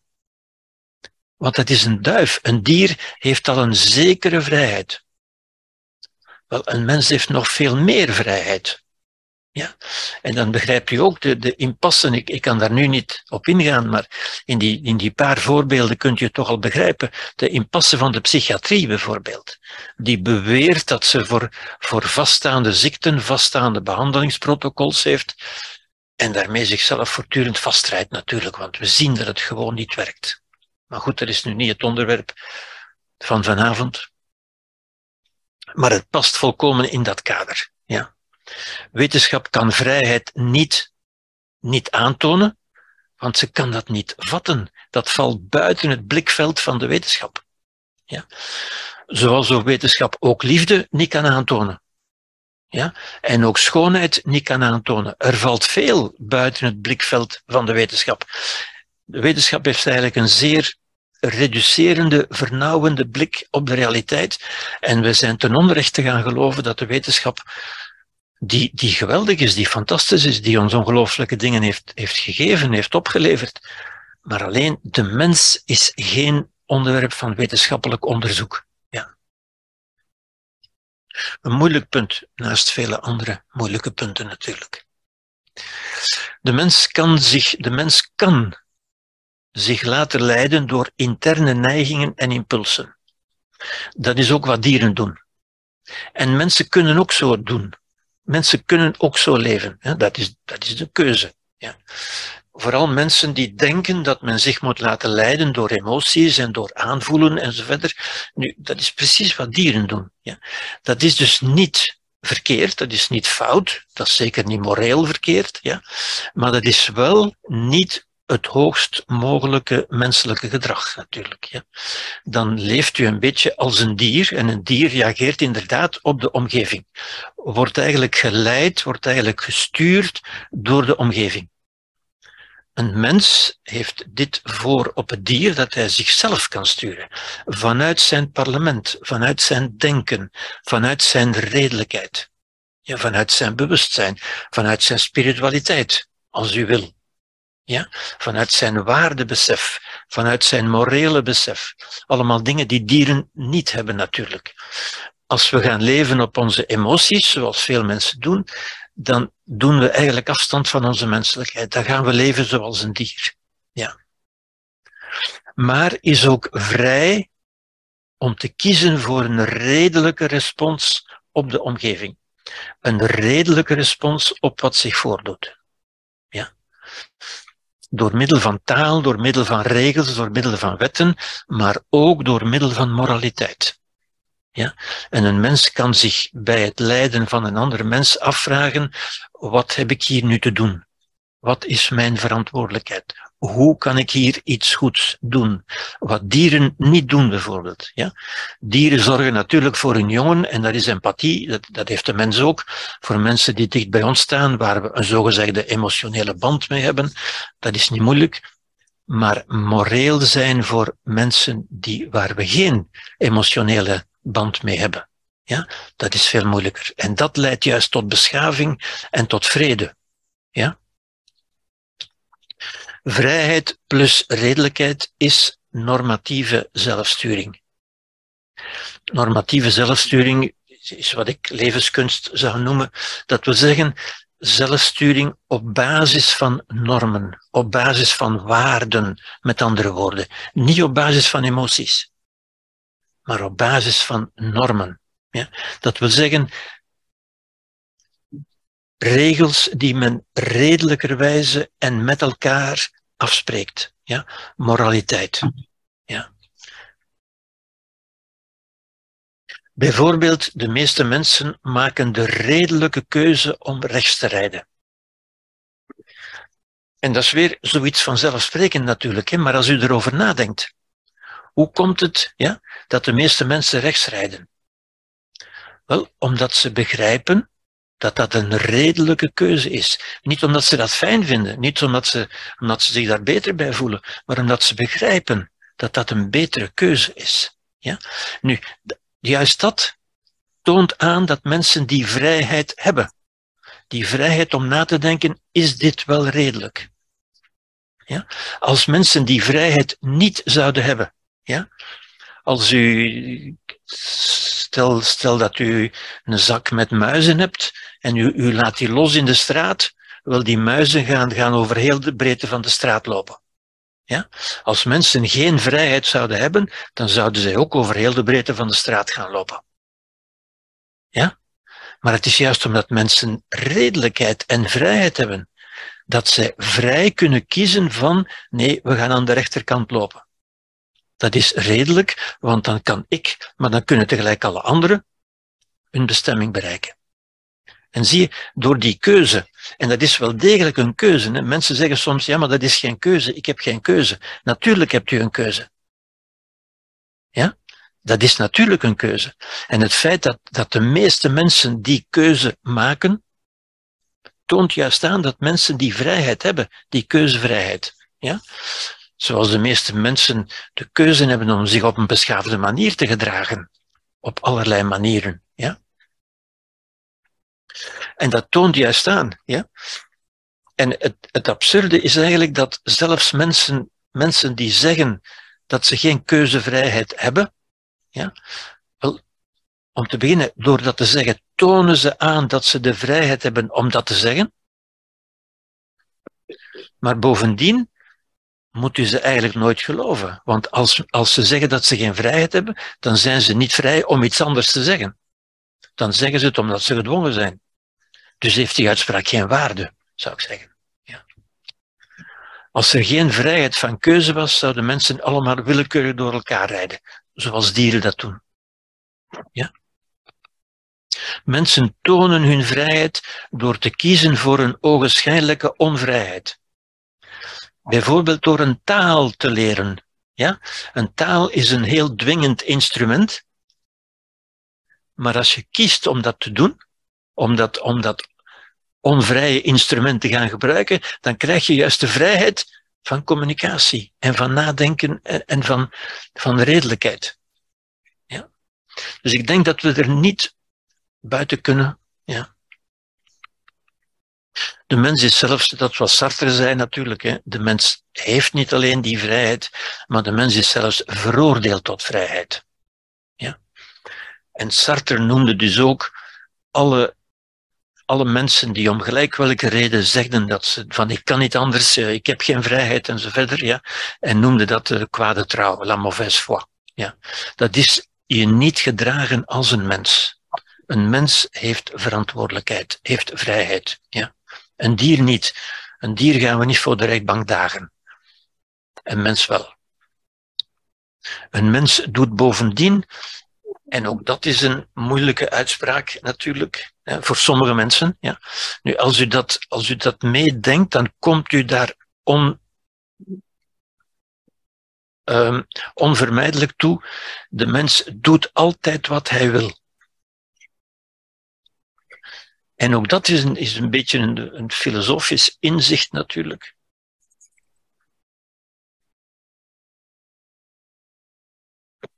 Waar mensen, wat mensen moeite kunnen mee hebben. Ja? En waarvan mensen vaak naar een therapeut of naar een psychiatrie gaan, van, van, door te zeggen, ik doe iets wat ik niet wil. Nu, strikt genomen is dat onmogelijk. Je kunt niet iets doen wat je niet wil. Ja. Alles wat je doet, daarvan moet je aannemen dat je het wil. Ja. Daarom niet zo bewust, maar je moet er verantwoordelijkheid voor nemen. Jij bent het die het doet.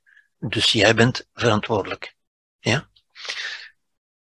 Men is niet verantwoordelijk voor, voor de emoties en voor de gedachten, maar men is altijd verantwoordelijk voor zijn daden, natuurlijk. Ja.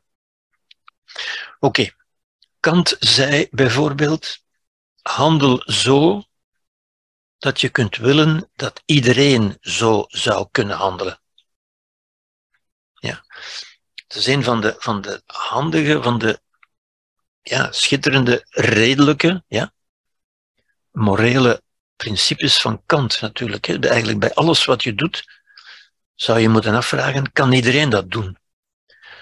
Daarom moet niet iedereen het doen, maar zou iedereen die dat wil, dat kunnen doen? Ja? Als je dat kunt zeggen, zegt Kant, dan ben je een moreel mens. Als je dingen doet waarvan je pertinent weet dat niet iedereen dat kan doen, dan ben je eigenlijk immoreel bezig. Ja. Iets wat Jaap Kruithof ook zei. Ik hoor het hem zo nog zeggen in een interview. Goed.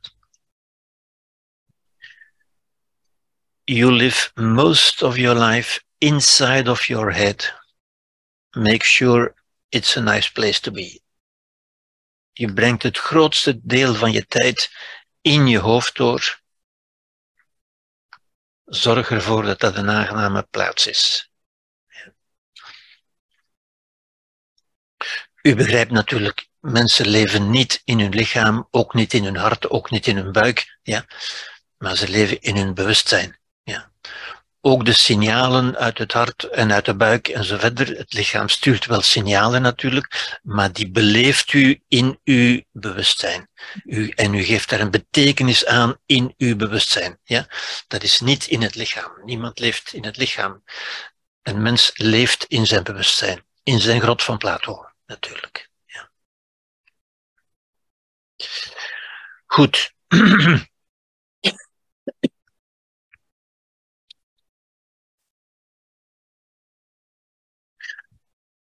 Waarom is angst en andere vormen van lijden. Angst is natuurlijk een vorm van, van lijden, hè? zoals kwaad zijn, zoals andere, zoals al die emoties die aan de rode kant, die aan de onderkant stonden. Dat is lijden. En lijden is in feite in een onaangename toestand verkeren. Ja? En ik zou zeggen, een centraal concept daarin waar ik iets meer wil over zeggen, is juist stress. Ja. De meest algemene vorm van lijden, zou je kunnen zeggen, is stress. Ja. Stress is een spanning die u aanzet om iets te doen. Ja. Het zogenaamde ontladen ja, is die spanning omzetten in een actie, iets doen. Ja. Nu, ik denk angst is een van de voornaamste oorzaken van stress. Ja? Stress is ook in ons natuurlijk. Ja?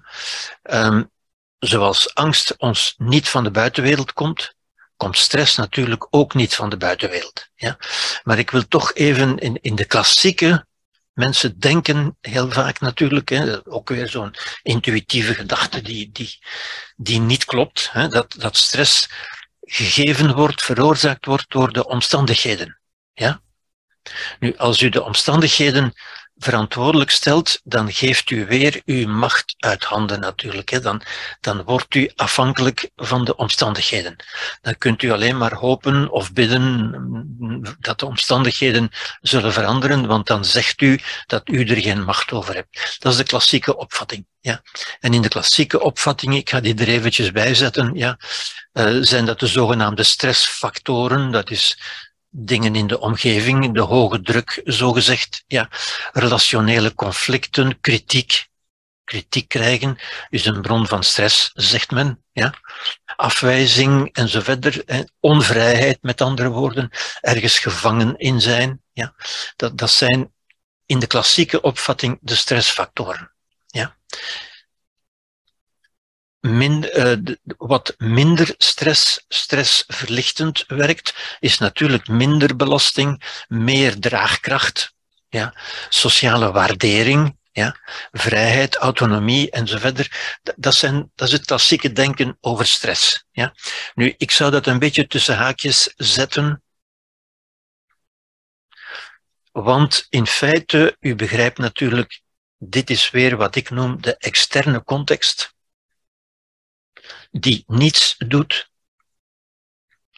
tenzij u er een interne context van maakt. Ja? En de interne context is natuurlijk ja, frustratie en boosheid, bijvoorbeeld. Ja? Dat is een oorzaak van stress. Ja? Niet de buitenwereld geeft u stress, maar uw eigen frustratie en boosheid en vooral ook uw angst. En dan zijn we natuurlijk bij het onderwerp van deze lezingen, dat is angst natuurlijk. Angst is de grootste leverancier, omdat die ook het meeste voorkomt van stress. Natuurlijk, de, de andere, al die rode emoties eigenlijk geven u zijn oorzaak van stress.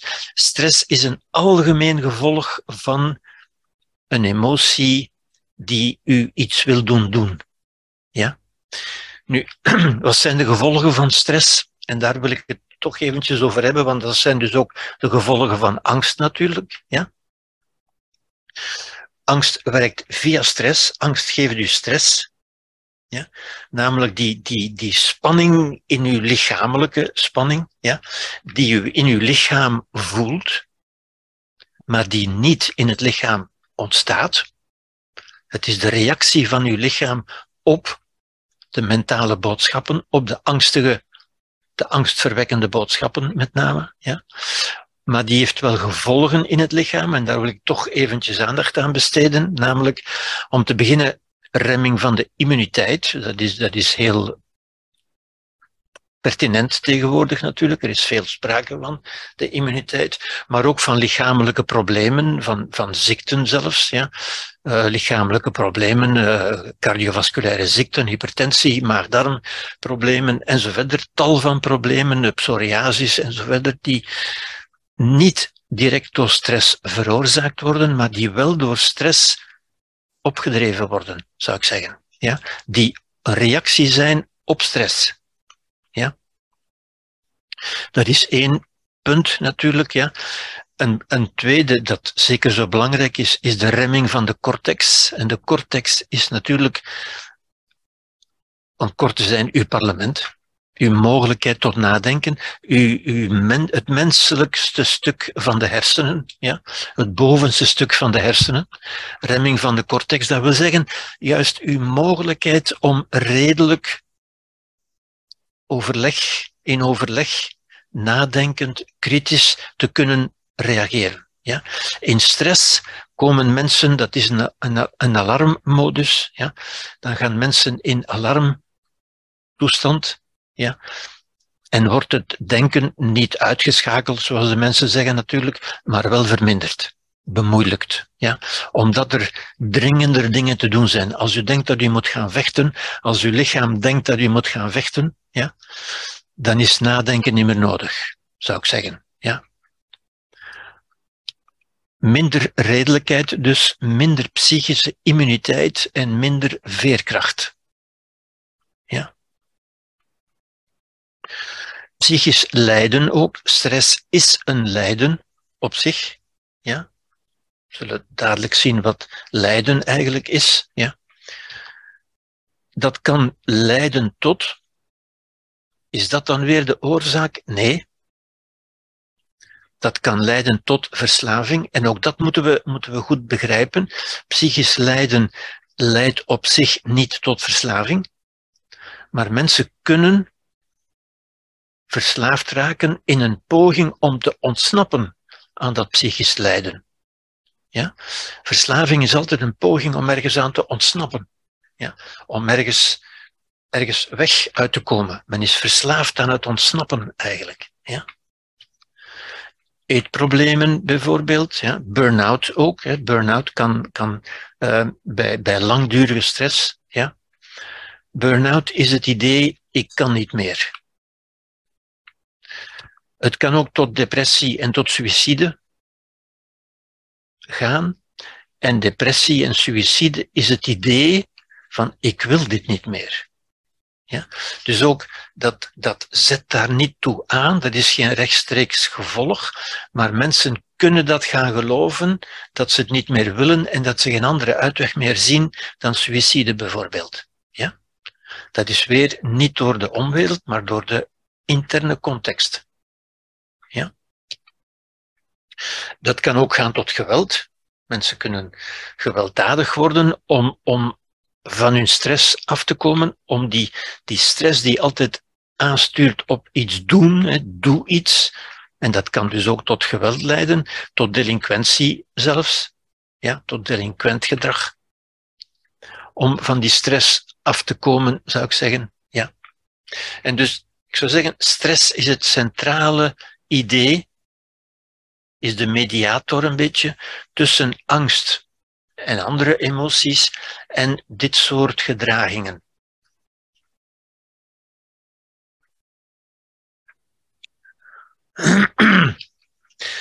Wat is het verschil tussen psychische pijn en fysieke pijn? Wel, ik zou zeggen, fysieke pijn is eigenlijk gemakkelijk te begrijpen. Ja? Het kan erg zijn om te dragen, maar het is makkelijk om te begrijpen. Ja? Het is een fysiologisch proces. En ik, wijs, ik noem het vaak een kramp, een verkramping in het lichaam. Het is een proces in het lichaam. Dat het gevolg is van een orgaandysfunctie of weefselschade. Ja? Als u een gebroken arm hebt, dat is schade. Als er een wonde is, dan is uw lichamelijke weefselintegriteit doorbroken. Ja? Dat is oorzaak van pijn. Dat is fysieke pijn. Dat is objectief aantoonbaar. Objectief wil ook weer zeggen, iedereen kan dat vaststellen. Ja? Daar is geen twijfel over. Wat is dan psychische pijn? Psychische pijn, die de algemene term is voor lijden, angst, verdriet, rouw en zo verder, ja, al die toestanden van onwelzijn eigenlijk, ja. Wel, psychische pijn is een proces in de psyche. En we weten nu goed wat de psyche is ondertussen. Hè? Dat is wat we doen met ons brein. Dat is wat we creëren in onze mind. In ons, ja, het is onze mind eigenlijk. Ja? In onze geest, in onze ziel, als u wil. Ja? Al die woorden zijn een beetje in, in dat, in dat niet-materiële iets, dat ongrijpbare iets, dat we de geest noemen. De spirit, de spiritualiteit, het bewustzijn, die overal kan zijn, zoals ik u al gezegd heb. Ja? Die we produceren, die we maken met ons brein, maar die niet ons brein is, natuurlijk. Die is wat we doen met ons brein. En dus psychische pijn is een proces in de psyche. Ja? Alleen wat in het bewustzijn is, kan oorzaak van lijden zijn. En als u nu gelijk wat noemt, ja, stel dat u, zeg maar iets, uw kind is op kamp, op een zomerkamp, en op, die zomer, op, die, op dat zomerkamp heeft het een, een ongeval en het overlijdt, is dat een lijden? Dat is geen lijden zolang u het niet weet. Het is pas als dat in het bewustzijn komt, dat er lijden ontstaat. Ja? Dus het is weer eens, dat lijden is niet het externe gebeuren, maar wel het interne gebeuren. Dat wat in de psyche. Het is ook pas als het in de psyche komt, als u er bewust van wordt, als u het weet, als u het verneemt, dan gaat u lijden. Dan ontstaat lijden, zou ik zeggen. Ja? Een beetje een ontnuchterende boodschap natuurlijk, hè, want mensen zeggen ook daar vaak, hè, het is de buitenwereld, als dat gebeurt, dat is toch een lijden, zeggen de mensen. Nee, dat is geen lijden, dat is iets wat gebeurt, waar mensen een lijden kunnen van maken. Ja? En dat zullen de meeste mensen doen natuurlijk, maar het blijft, psychische pijn is een proces in de psyche. Zoals fysieke pijn, lichamelijke pijn, een proces is in het lichaam. Ja? Het probleem, het probleem is, ja nee, stand van zaken hoeft geen probleem te zijn, maar um, het is niet objectief aantoonbaar. Ja? In tegenstelling tot fysieke pijn, die objectief aantoonbaar is. Psychische pijn is niet objectief aantoonbaar. Dat wil zeggen, mensen kunnen niet aan u zien dat u pijn hebt. Psychische pijn, lijden dus. Ja? Men kan het ook niet meten, men kan het niet vaststellen. Ja? Dat wil niet zeggen dat het voor u geen realiteit is. Het is alleen een subjectieve realiteit. Geen objectieve. Niets is een lijden. Het is de mens die lijden maakt. Ja? Het is een mentale kramp. Zoals ik zei, een fysieke pijn is een fysieke kramp, is een lichamelijke kramp. Psychische pijn, lijden dus. Ja? Dus ik maak een onderscheid tussen lijden en pijn. Pijn definieer ik, of pijn gebruik ik voor een fysiologisch proces in het lichaam. Lijden is psychische pijn, tussen de aanhalingstekens, dat is het proces in de geest. Dat is de geestelijke, het geestelijke lijden, zou je kunnen zeggen. Ja? Dat is dus een mentale verkramping. Daar is geen externe oorzaak. Er is wel, zoals ik dat straks heb gezegd, een aanleiding. Er is een externe context, er is iets gebeurd natuurlijk, ja. Maar dat gebeuren is op zich geen lijden. Mensen kunnen er lijden van maken. Ja? Als iemand sterft, zal dat voor sommige mensen een lijden zijn, maar andere mensen kunnen zeggen, wat een geluk dat hij dood is. Nu, als mensen dat kunnen zeggen, dan toont dat aan dat het niet dat gebeuren zelf is, maar wel een beoordeling. Ja? Ik stel me voor, als Poetin zou sterven, zou dat voor vele mensen een opluchting zijn? Maar toch zullen er ook naastbestaanden zijn van Poetin, zelfs Hitler had naastbestaanden, die dat dan weer erg zullen vinden. En ziet u, dat is ik vind. wat ik vind. De subjectieve realiteit. Ja? En dat kunt u niet objectief vaststellen. Ja? Er is dus wel een externe of interne eventueel aanleiding. Er is een context. Maar dat is niet de oorzaak. De oorzaak is, zoals ik al een paar keer heb gezegd, uw beoordeling natuurlijk. Hè? Hoe u er, wat u ervan vindt. De betekenis die u eraan geeft. En die betekenis is existentieel persoonlijk. Ja? Dat is uw vrijheid. Mensen zullen zeggen, maar ik heb daarin geen vrijheid. Maar natuurlijk hebt u wel vrijheid. Ja? Goed.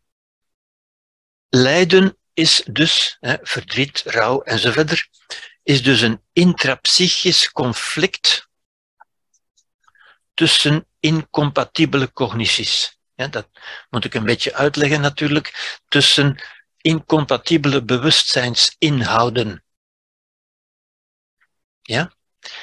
En daarvan zijn twee modellen, zou ik zeggen, twee voorbeelden van incompatibele cognities. Het eerste is, er is iets of er was iets, als het over het verleden gaat. Dat wil zeggen, ik ben mij bewust van iets. Iets is in mijn bewustzijn binnengekomen. Of ik heb het in mijn bewustzijn opgenomen. Ik heb het waargenomen.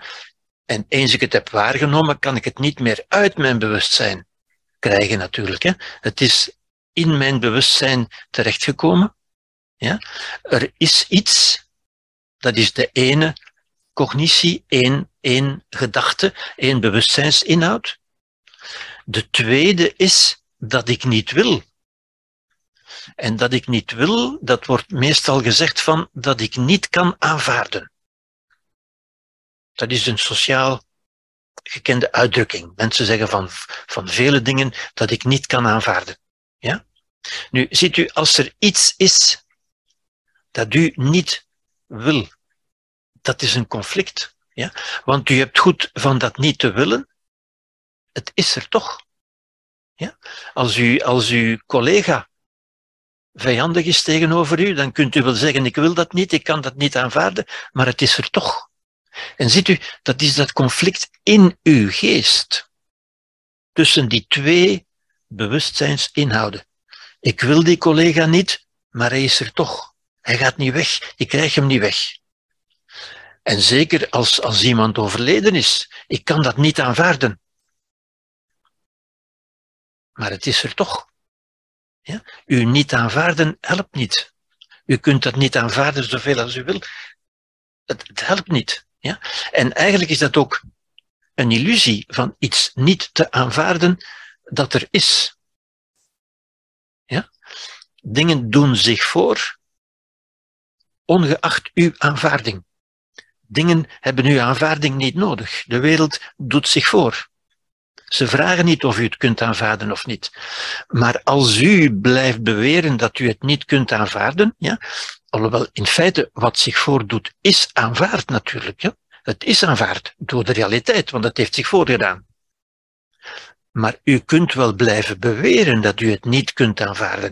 Maar ziet u, zolang u dat woordje niet blijft gebruiken, creëert u een conflict, een conflict in uw geest. Er is iets dat ik niet kan aanvaarden. Of er was iets dat ik nog altijd niet kan aanvaarden. Dat woordje niet. Dat is het conflict. Dat is het interne conflict. Dat is een louter mentaal gebeuren. Er is niets gebeurd, u bent niet ziek geworden, uw lichamelijke integriteit is niet aangetast en toch lijdt u.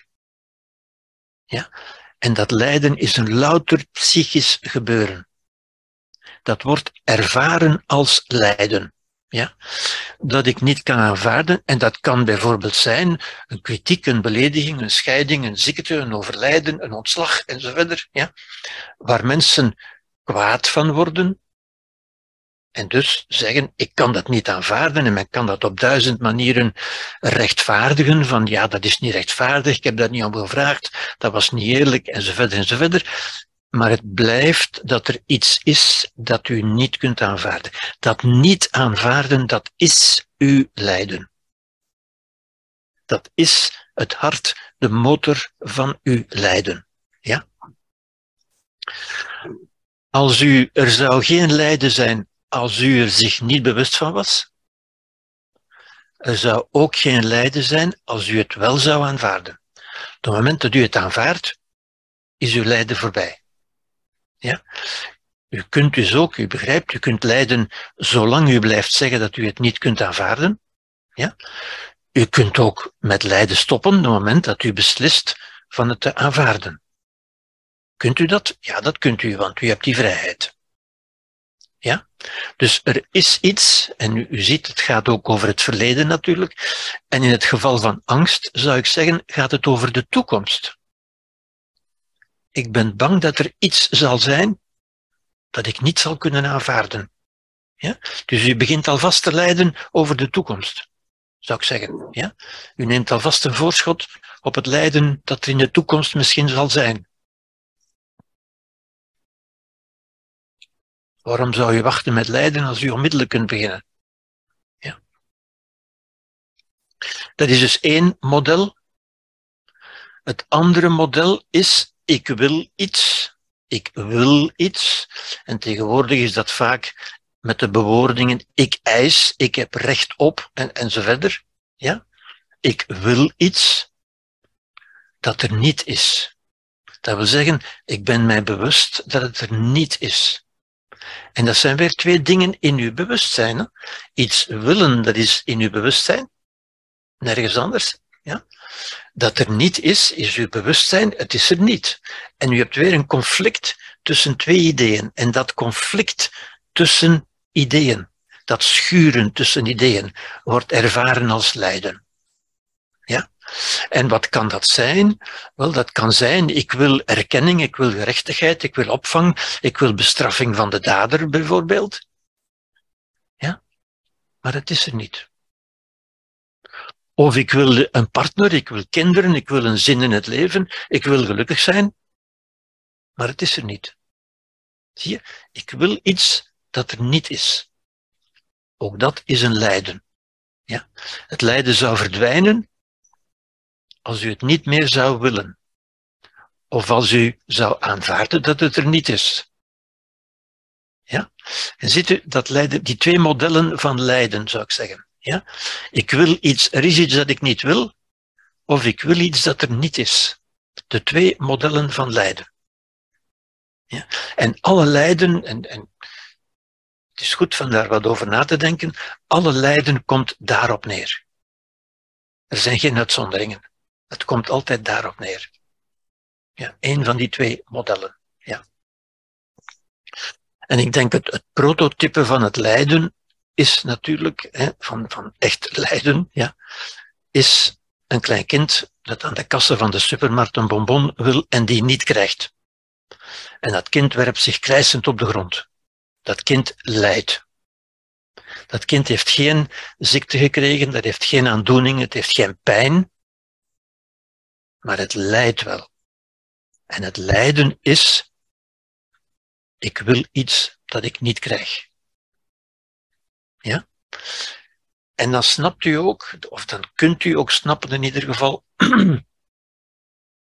dat dat lijden nergens door veroorzaakt wordt. Er is geen oorzaak. Dat ligt niet aan die bonbon. Dat kind heeft geen tekort aan bonbon. Het is louter ontstaan in de mind, in de psyche. Ja? Dat lijden heeft dus geen oorzaak. Er is geen oorzaak. Zoals ik ook van, van anderen van angst heb gezegd, er is geen oorzaak. Het is een reactie. Het is wat wij doen in onze psyche, in onze grot van Plato. Ja? Maar er is wel een doel. En ook dat is voor veel mensen een, een, een merkwaardig en verrassend inzicht natuurlijk. Hè. Lijden heeft geen oorzaak, er is wel een doel. Als ik u vraag, dat kind dat u zich makkelijk kunt voorstellen, dat op de grond ligt te lijden en te krijsen, is daar een oorzaak? Nee, is geen oorzaak. Maar is er een doel? Ja, natuurlijk is er een doel. Wat is het doel van dat kind? Niet zo bewust, hè? Maar het doel is, wat is het doel? Uiteindelijk van die bonbon toch te krijgen. En als ze die bonbon krijgt, is het lijden ook onmiddellijk gedaan. Ja? Zit u in tegenstelling tot fysiek lijden, fysieke pijn, die is niet onmiddellijk gedaan. Ja? Daar moet u wachten, dat heeft tijd nodig. Psychisch lijden heeft geen tijd nodig. Kan onmiddellijk stoppen. Ja? Maar heeft een doel. Ja? Ook bij bijvoorbeeld een relatiebreuk, bij, bij zogezegde liefdesverdriet of liefdespijn. Ja? Uh, er is geen pijn. Er is psychisch lijden. Ja? Er is iets wat ik niet wil. Is er een oorzaak? Nee.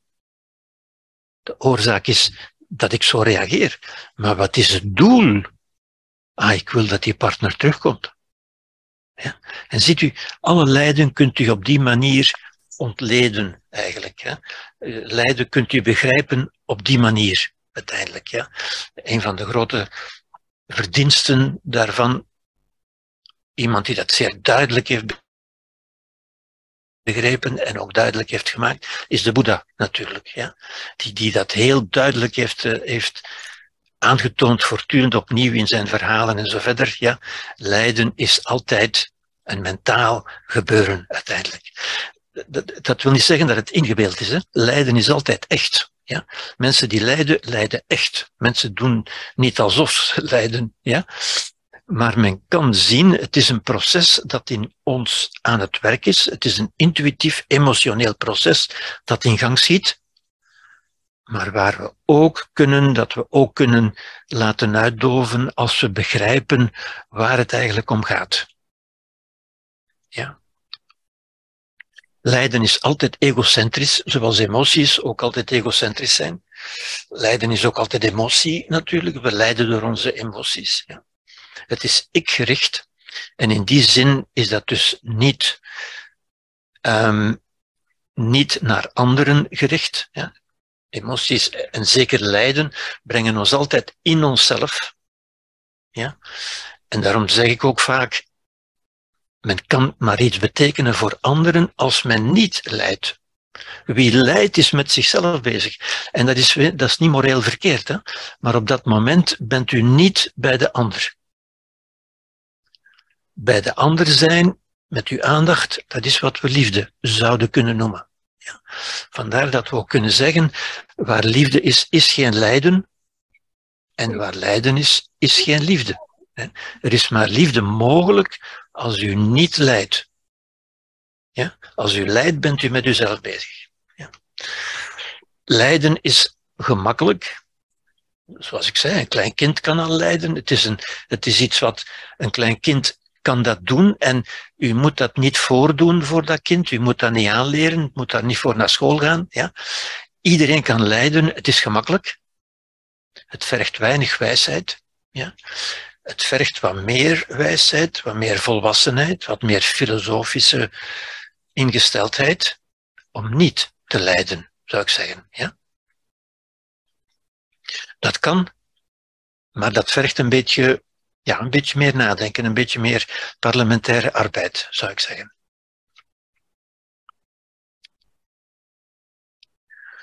Lijden eh, zijn dus incompatibele bewustzijnsinhouden. Hè. Het is verzet, conflict, stress, onwelzijn in het bewustzijn.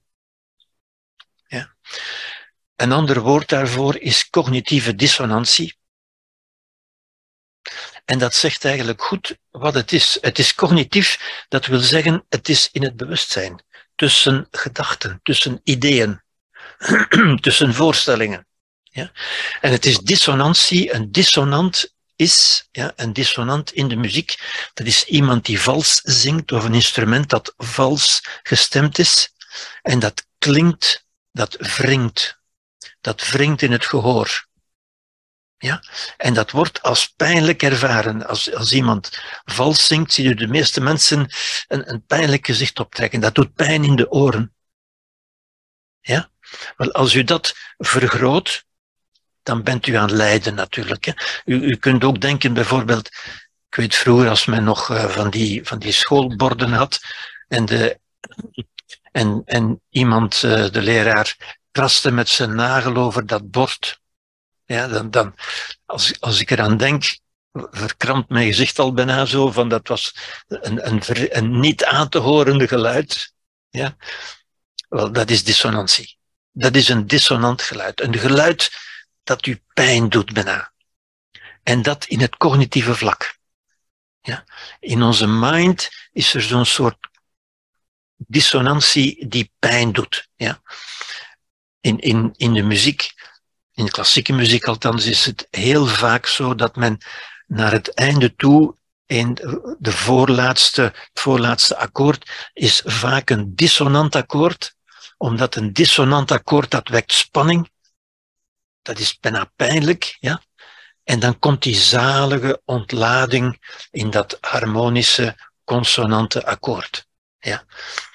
Lijden is een beetje dat. Lijden streeft naar ontlading door te krijgen wat het beoogt natuurlijk. Dat is het doel van het lijden. Lijden heeft geen oorzaak. Ik, ik, ik wil dat benadrukken. Er is geen oorzaak van het lijden. Ja. Het lijden heeft een doel. Ja. Het verdriet heeft geen oorzaak. Het heeft een doel. Die persoon mocht niet weg. Ik had hem nog nodig. Ja. Muzikale dissonantie, voilà, onaangename spanning. Cognitieve dissonantie is als een mentale verkramping. Ja. En u kunt zich dat voorstellen, het voorbeeld dat ik vaak geef, is als tegelijk het gaspedaal en het rempedaal in uw auto intrappen. Als u dat doet, dan creëert u een lijden, een spanning, een stress in uw auto. En als u dat blijft doen, dan zal er iets knappen. Ja. En dat is bij de mens ook zo. En de mens kan ja, de angst, de stress, het lijden eindeloos vasthouden. Hij kan eindeloos blijven beweren, ik kan dat niet aanvaarden, bijvoorbeeld. Ja? Alhoewel dat dus filosofisch gezien absurd is, want het is al aanvaard. Ja? Het, dat stemt uit de illusie dat, dat, dat u de keuze zou hebben om dingen te aanvaarden of niet te aanvaarden. Nu, die keuze hebt u niet. Ja? U hebt wel de keuze in hoe u het gaat aanvaarden. Het is aanvaard. U kunt alleen aanvaarden met lijden of zonder lijden. Die keuze hebt u wel. Ja? Het is een alarmsignaal in het emotionele brein. Het wekt dus stress. Ja? Dat zien we vooral ook bij fobische vermijdingsreacties natuurlijk. Ja. Ook dat is een lijden. Hè. Als die mensen zich in de buurt van een lift eh, begeven of in de supermarkt waar ze niet tegen kunnen, dan, dan, dan lijden die mensen natuurlijk. Hè. Goed. um, er is dus in dat geval geen sprake van wonden of kwetsuren, natuurlijk, laten we daar duidelijk over zijn. Je bent, een mens is niet kwetsbaar, je bent niet gekwetst, er zijn ook geen wonden of kwetsuren uit het verleden of, of iets dergelijks. Lijden is altijd in het nu. U kunt niet het lijden voelen van het verleden. Lijden is altijd in het nu, omdat u het nu opnieuw creëert. U kunt nu nog altijd denken van verdorie, dat is toen gebeurd en dat mocht niet, ik kan dat niet aanvaarden. En dan creëert u lijden nu. Er is geen oud lijden, dat bestaat niet. Ja. U kunt alleen lijden door uw verhaal. U kunt ook niet meer lijden door het verleden, want dat is er niet meer. U kunt alleen lijden door uw verhaal. Ja? Doordat u uw verzet opwekt van verdorie, dat was toch niet juist, dat was toch niet eerlijk en zo verder. En u bent opnieuw aan het lijden. Ja? Maar lijden is altijd in het nu. Ja? Stoppen met lijden is ook in het nu, natuurlijk. Ja? Oké. Daar gaan we het uh, dit natuurlijk in het kader van angst, omdat angst ook een vorm van lijden is. En angst is in wezen hetzelfde. angst is de angst dat er iets zal zijn dat u niet wil. Ja? Dus u ziet, al, alle lijden komt daarop neer. Alle lijden, alle stress komt daarop neer. Of dat er iets niet zal zijn dat u wel wil, natuurlijk. Ja? Maar u ziet, dat is een, dat is een volkomen mentaal proces. U creëert lijden, u kunt nu, hier en nu, lijden creëren door te denken dat er iets zal zijn in de toekomst die er nog lang niet is, dat u niet zult willen, of dat er iets niet zal zijn dat u wel zult willen. Ja? En veel mensen doen dat ook. Ja? Goed. Uh, hiermee ga ik besluiten voor vanavond. Nog deze gedachte van William James, die u nu goed zult begrijpen, denk ik. Ja. William James is een beetje de tegenhanger in de Angelsaksische wereld van, van Freud. En William James zei: The greatest weapon against stress is our ability to choose one's thought over another.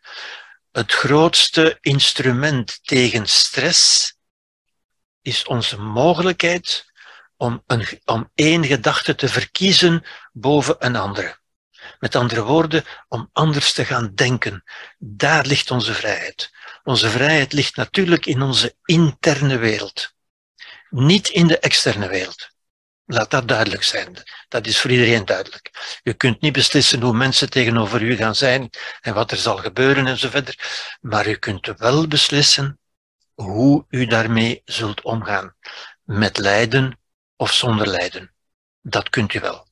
En dat is een stukje filosofie natuurlijk. Hè. Maar nogmaals, als u zo bent, hè, zoals Hannah Arendt, dan, dan kan, kunnen mensen gaan denken dat u toch wel een raar specimen bent, dat u niet bent zoals, zoals iedereen, dat u misschien geen normale gevoelens hebt en, en zo verder. En mensen vinden dat heel merkwaardig dan uiteindelijk. Ja.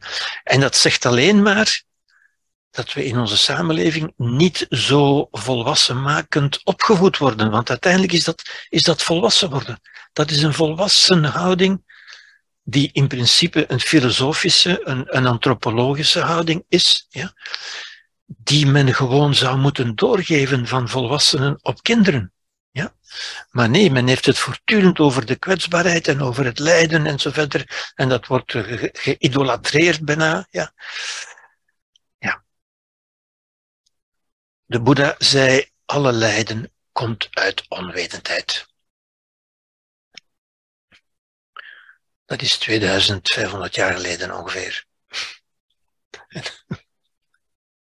En dan rest ons nog een beetje tijd voor vragen, mochten die er zijn.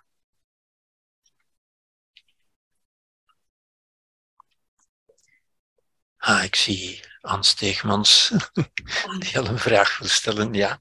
ja. Dus ik ben helemaal mee. Het is inderdaad wel redelijk revolutionair, uw, uw denken en uw, manier van uh, kijken. Ja, nee, ik vind dat wel... Um, ja, het komt binnen. Wat als de externe context, um, en dus externe context kunnen stoute woorden zijn of beledigingen of... of Nee, nee, nee, nee, nee, dat kan niet. Dat kan niet. Nee, nee, inderdaad, dat is al wat ik... Dat is de interne context. Dat is de interne context. maar als de feiten um, geen woorden zijn, maar daden. Ja. Van uh, misbruik, ernstige dingen, seksueel misbruik. Ja, ja, maar dan zijn die emoties adequaat, zou ik zeggen. Hè? Dan is het natuurlijk... maar het zal dan duurder dan en moeilijker zijn om, om die, die toch... Hoe, hoe zegt u? Afhankelijk van, van de feitelijkheden zal het uh, meer ja, tijd vragen. Klopt dus ook niet volgens u. Maar je moet eigenlijk die mind switch maken. Zo, ja. Zo, ja. eigenlijk de feiten... Ja, ja. Nu, maar dan reageert u adequaat op wat er nu is. Hè? Daarom zeg ik, die emoties zijn ook niet negatief, hè? Die, zijn, die zijn goed. Als er een reëel gevaar hier nu is, mhm. dan, dan is dat een passende reactie. Mhm. Maar als u nog kwaad wordt over iets wat tien jaar geleden gebeurd is, dan is dat geen passende reactie, zou ik zeggen. Hè? Enfin, dat is, dat is dan ook niet slecht of dat is ook niet verkeerd, maar dat, dat handicapt u. Dat, dat is niet meer constructief. Ja? Nee, maar ik kan me toch voorstellen dat het uh, moeilijker is om over, over een seksueel misbruik uh, die mindswitch te maken dan over iemand die ja. gezegd heeft uh, je bent dik of wat dan ook. Ja, wel dan, dan, ik hoor wat u zegt en dat zegt dan iets over wat u zich kunt voorstellen natuurlijk. Ja? Mm -hmm. Maar eigenlijk kan men zich ook voorstellen dat mensen dat wel kunnen. Hè? Ja, ja, er zijn ook mensen die dat kunnen natuurlijk. Hè? Het, het, is alleen maar moeilijk omdat het ingaat tegen onze intuïtie en tegen onze sociaal aangeleerde gewoonten ook. Hè? Ja? Oké, en dan nog één, uh, de antropologische houding. Ik, ik, heb al wat gelezen over Hannah Arendt ook. Is, is het dan een beetje die visie? Hè? Hannah Arendt zei ook, uh, ik wil begrijpen. Hè? Ze wil ja, natuurlijk, natuurlijk. Dat is ook de filosofische houding, inderdaad. Inderdaad, hè. Inderdaad. En dat is uh, ja, wat, wat, wat u ook kan gebeuren. Hè. Als u niet emotioneel reageert, zoals Hannah Arendt, bijvoorbeeld over het proces Eichmann, ja, is haar zeer kwalijk genomen dat zij niet emotioneel gereageerd heeft, niet met kwaadheid en met woede, maar dat zij inderdaad als een antropoloog, als een filosoof heeft gereageerd. Maar dat is inderdaad de filosofische houding. Of, of, de antropologische houding. Om, om, om, en vaak moeilijk voor anderen om, ja. ja, ja. te... Ja. Ja, en dat is natuurlijk iets wat u er moet, moet, moet bijnemen, zou ik zeggen. Als u niet zo emotioneel reageert, dan, dan gaan anderen dat begrijpen of, of moeilijk begrijpen en gaan u beschuldigen van ongevoeligheid en onmenselijkheid en, en weet ik veel, terwijl u eigenlijk op dat moment juist veel meer menselijk bent. Want u, u reageert met een menselijke redelijkheid. Ja? Oké, okay, dank u. Ja, alstublieft. Als het lijden in heel deze context, hoe ziet u dissociatie? Hoe bekijkt u dissociatie? Hoe, hoe moet je daarmee aan de slag? Ja, dan moet u eerst definiëren wat dissociatie zou kunnen zijn. Hè? Want dat is, dat is ook een abstract concept natuurlijk. Hè? Wat verstaat u daaronder? Ja, wat versta ik eronder? Een herbeleven van een, eh, van een fysiek... Uh... Herbeleven, dat noemt u dissociatie? Ja, nee, ik, ik, weet, ik, ik, weet de definitie niet. Ik, ik, ik, ah, hoe kan ik dan antwoorden als u de definitie niet hebt? U hebt wellicht ook al gehoord van het woord dissociatie. Ja, maar u hebt het mij nog niet horen gebruiken.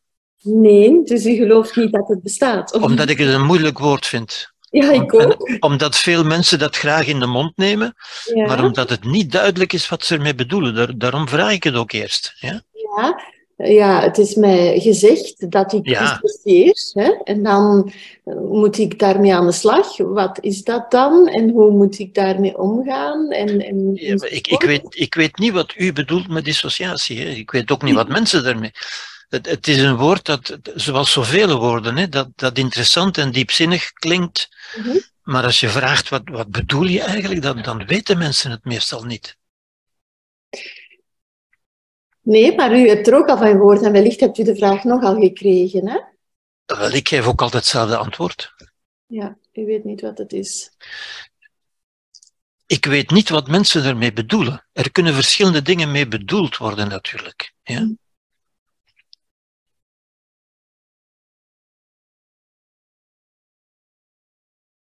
Mhm. Dus ik kan u er, zo niet op antwoorden, inderdaad. Het wordt Nee, ook het vaak dat ik veel. gelezen heb gaat weer over een misbruiksituatie. Ja. U gaat naar, u bent, kind is misbruikt, eh, gaat naar een gynaecoloog, doet een gynaecologisch onderzoek en gaat daar in een soort van eh bibbersituatie, eh, Ja. eh, mentaal niet mogelijk zijn of, of niet kunnen uitleggen wat er gebeurt. Begrijpt het. Dus eh, weer die Hannah Arendt, hè. ik wil het begrijpen, maar, maar Ja. hoe, hoe kun je dat uitleggen? Wat doet dat brein nu? Is dat weer Ja. dat, dierlijk brein dat eigenlijk wordt terug... Eh, een beetje daar. Is, is dat wat u dissociatie noemt?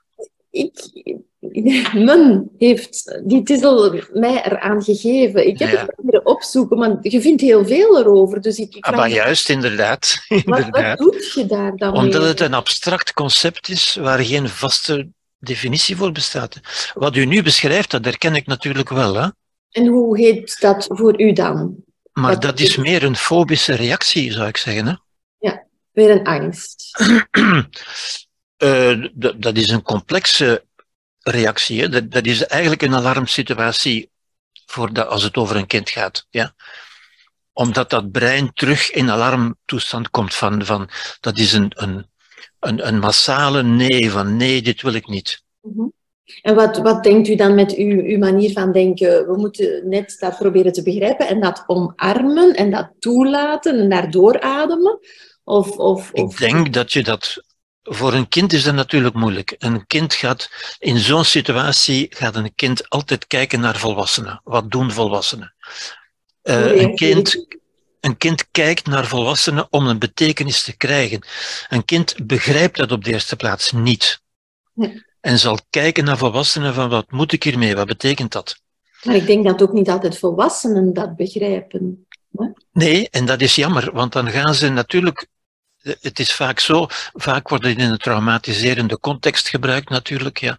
En als volwassenen, wat vaak het geval is, getraumatiseerd reageren, dan zal dat kind ook getraumatiseerd reageren natuurlijk. Doe je dat verder. Ja. ja. En als volwassenen daar staan bij te lijden, en zogezegd lijden voor dat kind, wat niet het geval is, je lijdt altijd voor jezelf natuurlijk, ja.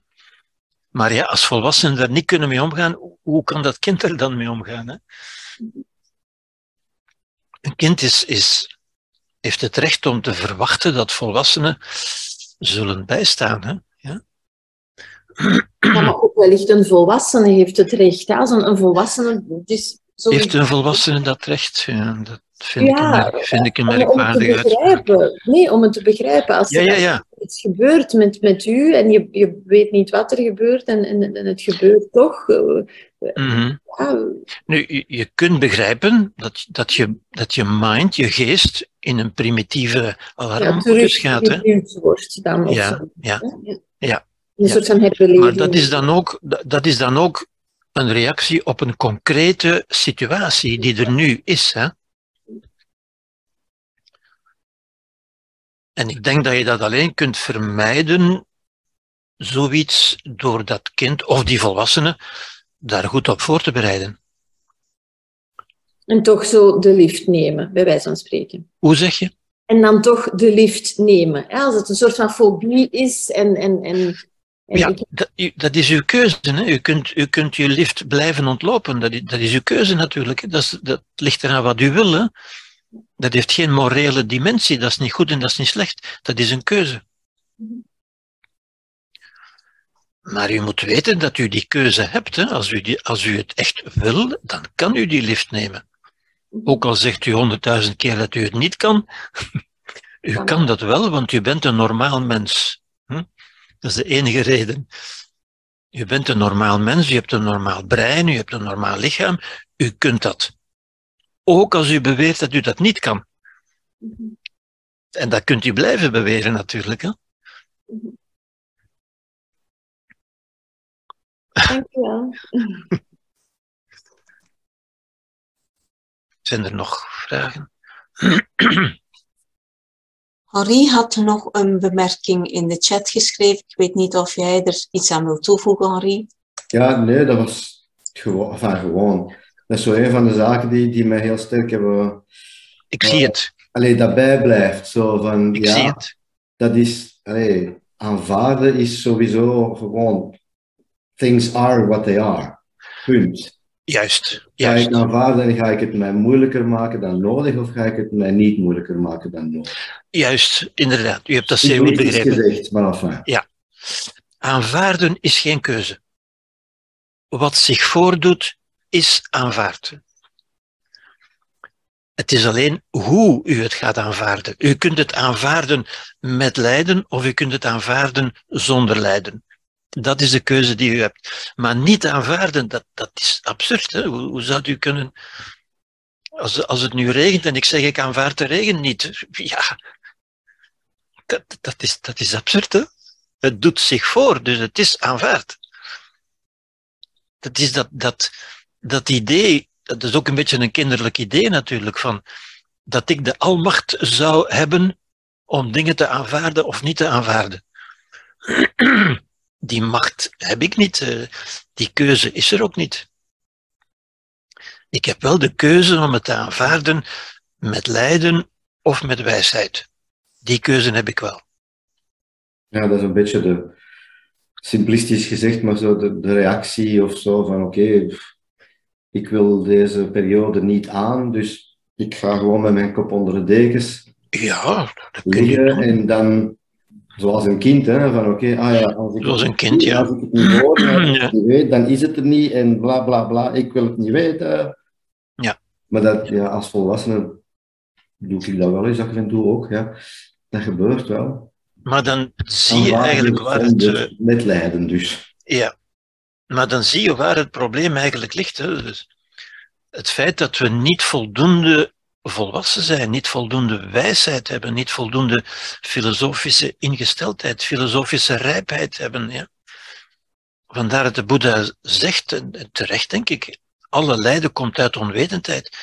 Tolle zegt, ik denk dat, ik heb het misschien vorige week ook gezegd, Tolle zegt, je lijdt tot je begrepen hebt dat lijden niet nodig is.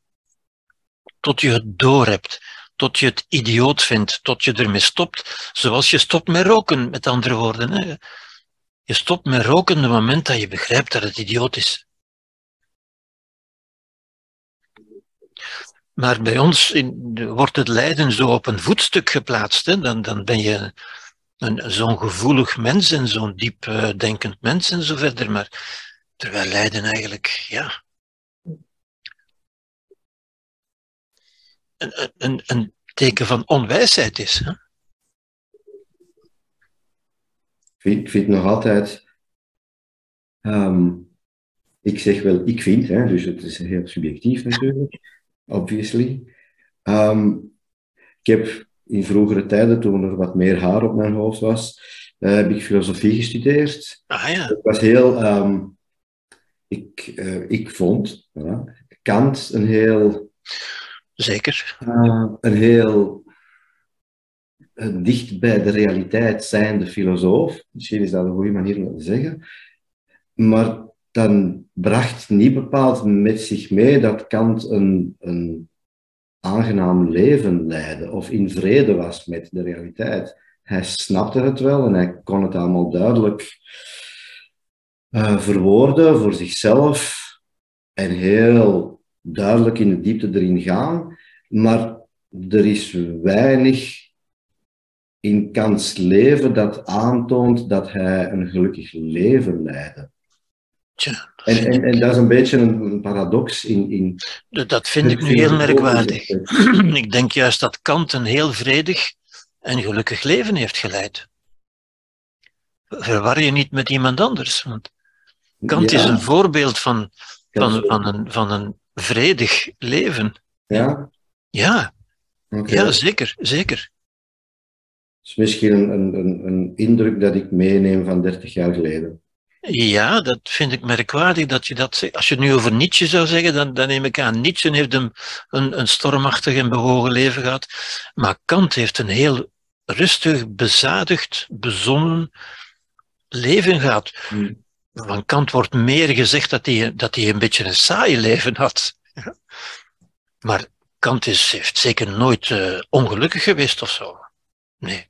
Oké, okay, ja, het zou heel goed kunnen dat ik het mij verkeerd. Ja, dat, dat denk ik. Dat denk ik. Een, een, een cognitieve dissonantie. ja. De herinnering en de realiteit. Ja. Ja, Bert, er ligt nog een pittige vraag waar het potentieel van ons als mens, denk ik, enorm wordt, moet aangesproken worden, uh, van Roos. Wil je de vraag zelf toelichten? Ja, ja, ja. ja, ja, ja. Ik was nog eventjes verder aan het doordenken, naar aanleiding van het gesprek uh, met mevrouw van daar straks, met u uiteraard. Um, als we dan zeggen van, kijk, uh, een ervaring die als negatief wordt opgenomen, um, daar kan een fobie uit ontstaan. Maar een fobie, dat kun je leren overwinnen door met uw cognitie uh, dat te benaderen. Maar hoe, hoe kan nu een kind dat zo'n overweldigende ervaring meemaakt, later nog een normaal seksuele relatie aangaan na verkrachting? Dat lijkt mij toch van een andere orde dan de lift niet te nemen. Dat lijkt mij niet van een andere orde. Dat is van een andere orde van grootte, hè, dat wel. Maar principieel is dat hetzelfde. dat kan ook. Alleen is het natuurlijk zo, en dat is weer de sociale context, hè, dat, dat, dat daar die sociale betekenis aangegeven wordt van wat mensen ook voortdurend zeggen. Hè? Nu, nu is mijn leven kapot gemaakt en dat soort dingen. Van die, van die zwaar geladen uitspraken. Maar in wezen kan dat, kan dat zeer goed en daar zijn ook vele voorbeelden van. Het probleem is ook altijd dat de mensen die, die dat wel doen en die met hun leven verder gaan, daar hoor je niet meer van. Het zijn de mensen die het niet doen om een of andere reden, ja, die, die, ja, die, moeilijk, die het moeilijk hebben, die het ook moeilijk maken voor anderen. Ja, dan blijft mijn vraag, wat maakt dat de ene het wel kan, doet en de andere niet? Wel, daar hebben we geen echt antwoord op natuurlijk. Hè. Juist omdat ik gezegd heb dat de mens geen wetenschappelijk te benaderen object is waarvan je oorzaak en gevolg zou kunnen vastleggen. De mens heeft een vrijheid. Ja. Maar die vrijheid is natuurlijk beperkt door het feit dat de mens opgroeit in een bepaalde context waar bepaalde betekenissen meegegeven worden. Van dat is erg en dat is niet erg en hier moet je lachen en hier mag je huilen en, en zo verder. De, de wereld wordt uitgetekend voor een kind eigenlijk. En volwassen worden betekent eigenlijk die hele wereld opnieuw uittekenen voor jezelf dan. Ja, maar het aantasten van je lichamelijke integriteit Ja, wordt toch in alle culturen als ja, negatief bestempeld? dat is niet wenselijk natuurlijk, ja. Maar daar is je leven niet door kapot gemaakt. Hè. Tenzij je het zo gaat zien natuurlijk. Hè. Ik, ik heb ook gezegd, de mens kan eindeloos blijven lijden. Hè. En kan eindeloos geloven, ja, nu dat dat me overkomen is, nu kan ik nooit meer normaal zijn, bijvoorbeeld, ja. En dat wordt ook door de therapeutische wereld en de psychiatrische wereld in stand gehouden. Daar wordt heel zwaar aan getild.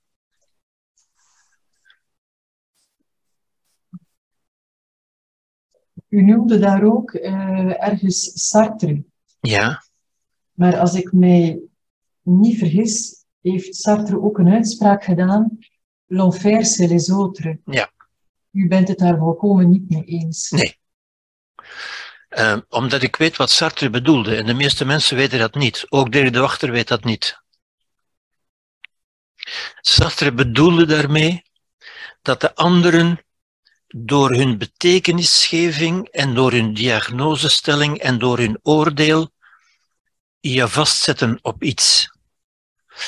Bijvoorbeeld ehm, zeggen anderen, je bent een slachtoffer,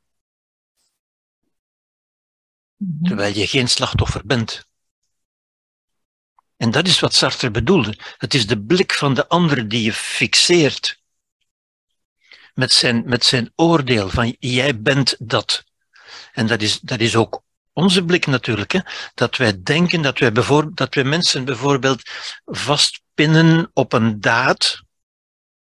Het is een dader, het is een doodrijder, het is een moordenaar. Ja? Of op een eigenschap. Het is een narcist, het is een, die diagnoses waar ik het in mijn nieuwjaarsessay over, over had, die eigenlijk de mens ontmenselijken, omdat ze de mens reduceren tot een daad of tot een eigenschap.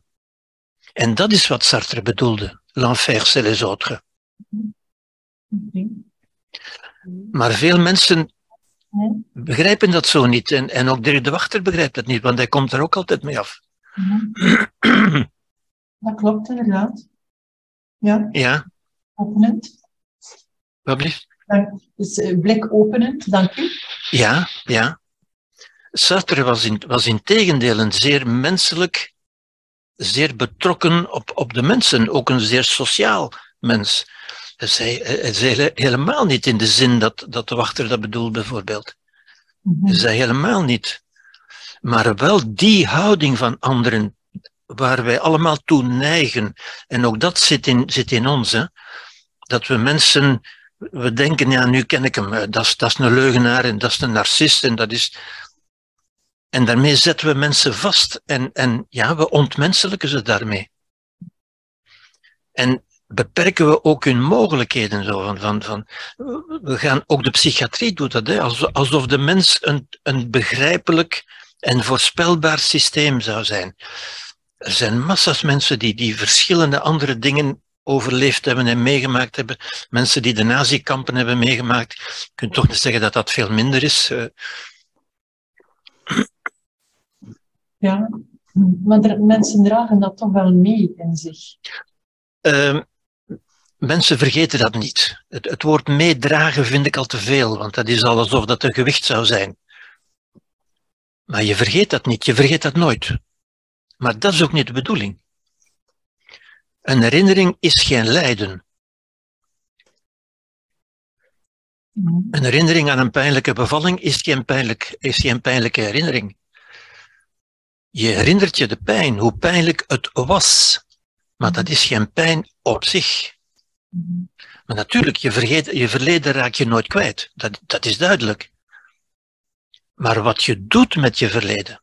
Het verleden zelf, dat is wat ik ook dus straks heb gezegd. Hè. De feitelijkheid verdwijnt natuurlijk niet. Maar je neemt de feiten niet mee, je neemt je verhaal mee over de feiten. En daarin heb je wel vrijheid. Ja.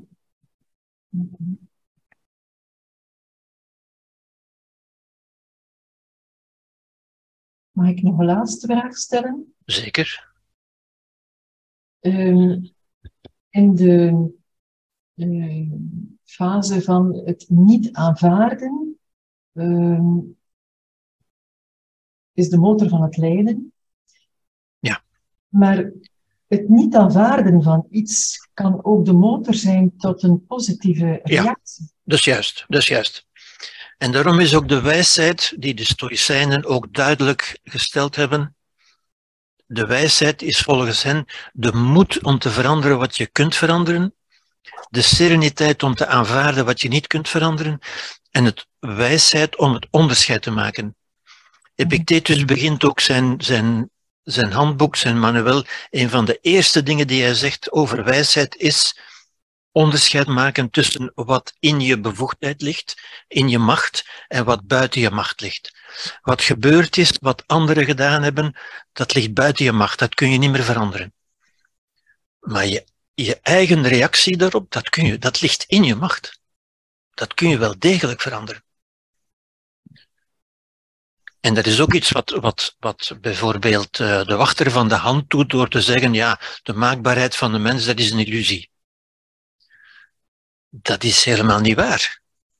Een mens maakt zich wel degelijk. En dat is wat Hannah Arendt bijvoorbeeld noemt dat de tweede geboorte. De eerste geboorte is als kind.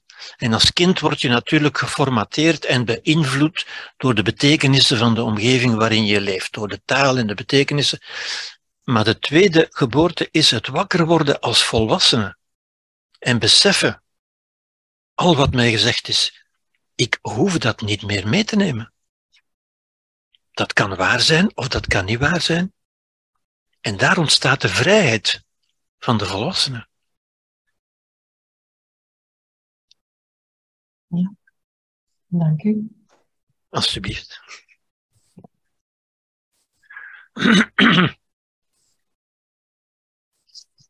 Zijn er nog vragen?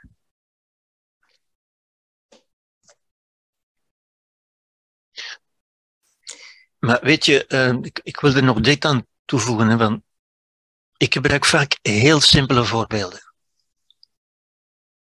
En dan zeggen mensen natuurlijk, hè, zoals jij, Marie-Roos, ik begrijp dat natuurlijk. Hè. Je zegt, ja, maar de werkelijkheid is toch wel iets anders. Hè. Dat is toch een beetje te simpel. Ja? En dat is natuurlijk waar, maar ik, ik gebruik die simpele voorbeelden omdat ze zo duidelijk zijn. En de werkelijkheid is niet echt anders. Ja? Maar is anders in, in omvang, in, in grootte, maar niet in principe. Zoals je kunt zeggen, elk lijden is in wezen een kleuter die zijn bonbon niet krijgt. En er zijn mensen natuurlijk, ik zeg dat niet altijd zo hoor, maar er zijn mensen natuurlijk verontwaardigd, hè, want van, ja maar mijn lijden is toch wel iets heel speciaals. Maar eigenlijk, alle lijden is hetzelfde hoor. en zoals ik zei, lijden is gemakkelijk. daar, moet je niet veel voor doen, dat komt vanzelf. Niet lijden, daar moet je inderdaad wat over nadenken. En daar is volwassenheid voor nodig. die een kind niet heeft en die het daarom moet krijgen van volwassenen rondom hen.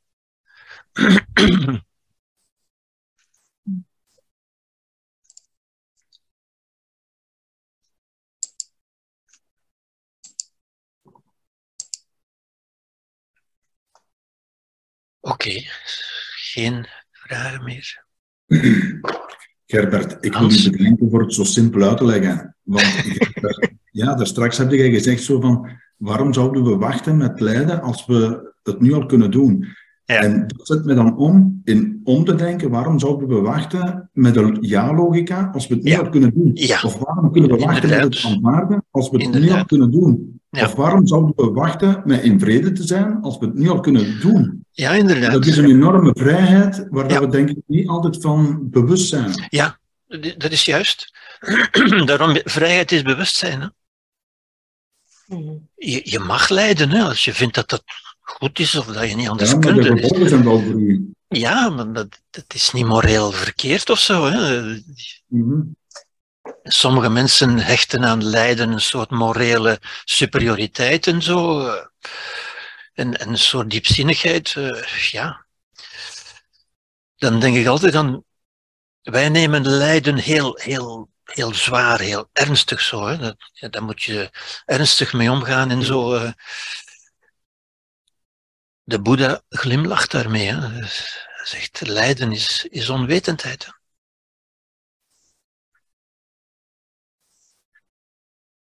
Ja, ik vind het ook zo merkwaardig dat we zoveel mensen zien lijden de laatste tijd. Ja. En jij legt dat hier nu zo eenvoudig uit, dat ze bijna niet gaan geloven wat dat je zegt. Ja, dat weet ik, dat weet ik. Mensen kunnen dat moeilijk geloven, dat is waar. Omdat het te simpel uitgelegd is, misschien Ja. het En omdat het eigenlijk ook eenvoudig is. Ja, en, en dat kunnen mensen moeilijk geloven. Dat, dat, waar ik zo lang mee over geleden heb, en dat, dat zou zo eenvoudig zijn. Dat kan toch niet, meneer? Hè? Nee, daar is een lange therapie voor nodig. Ik geloof niet in lange therapie. Nee.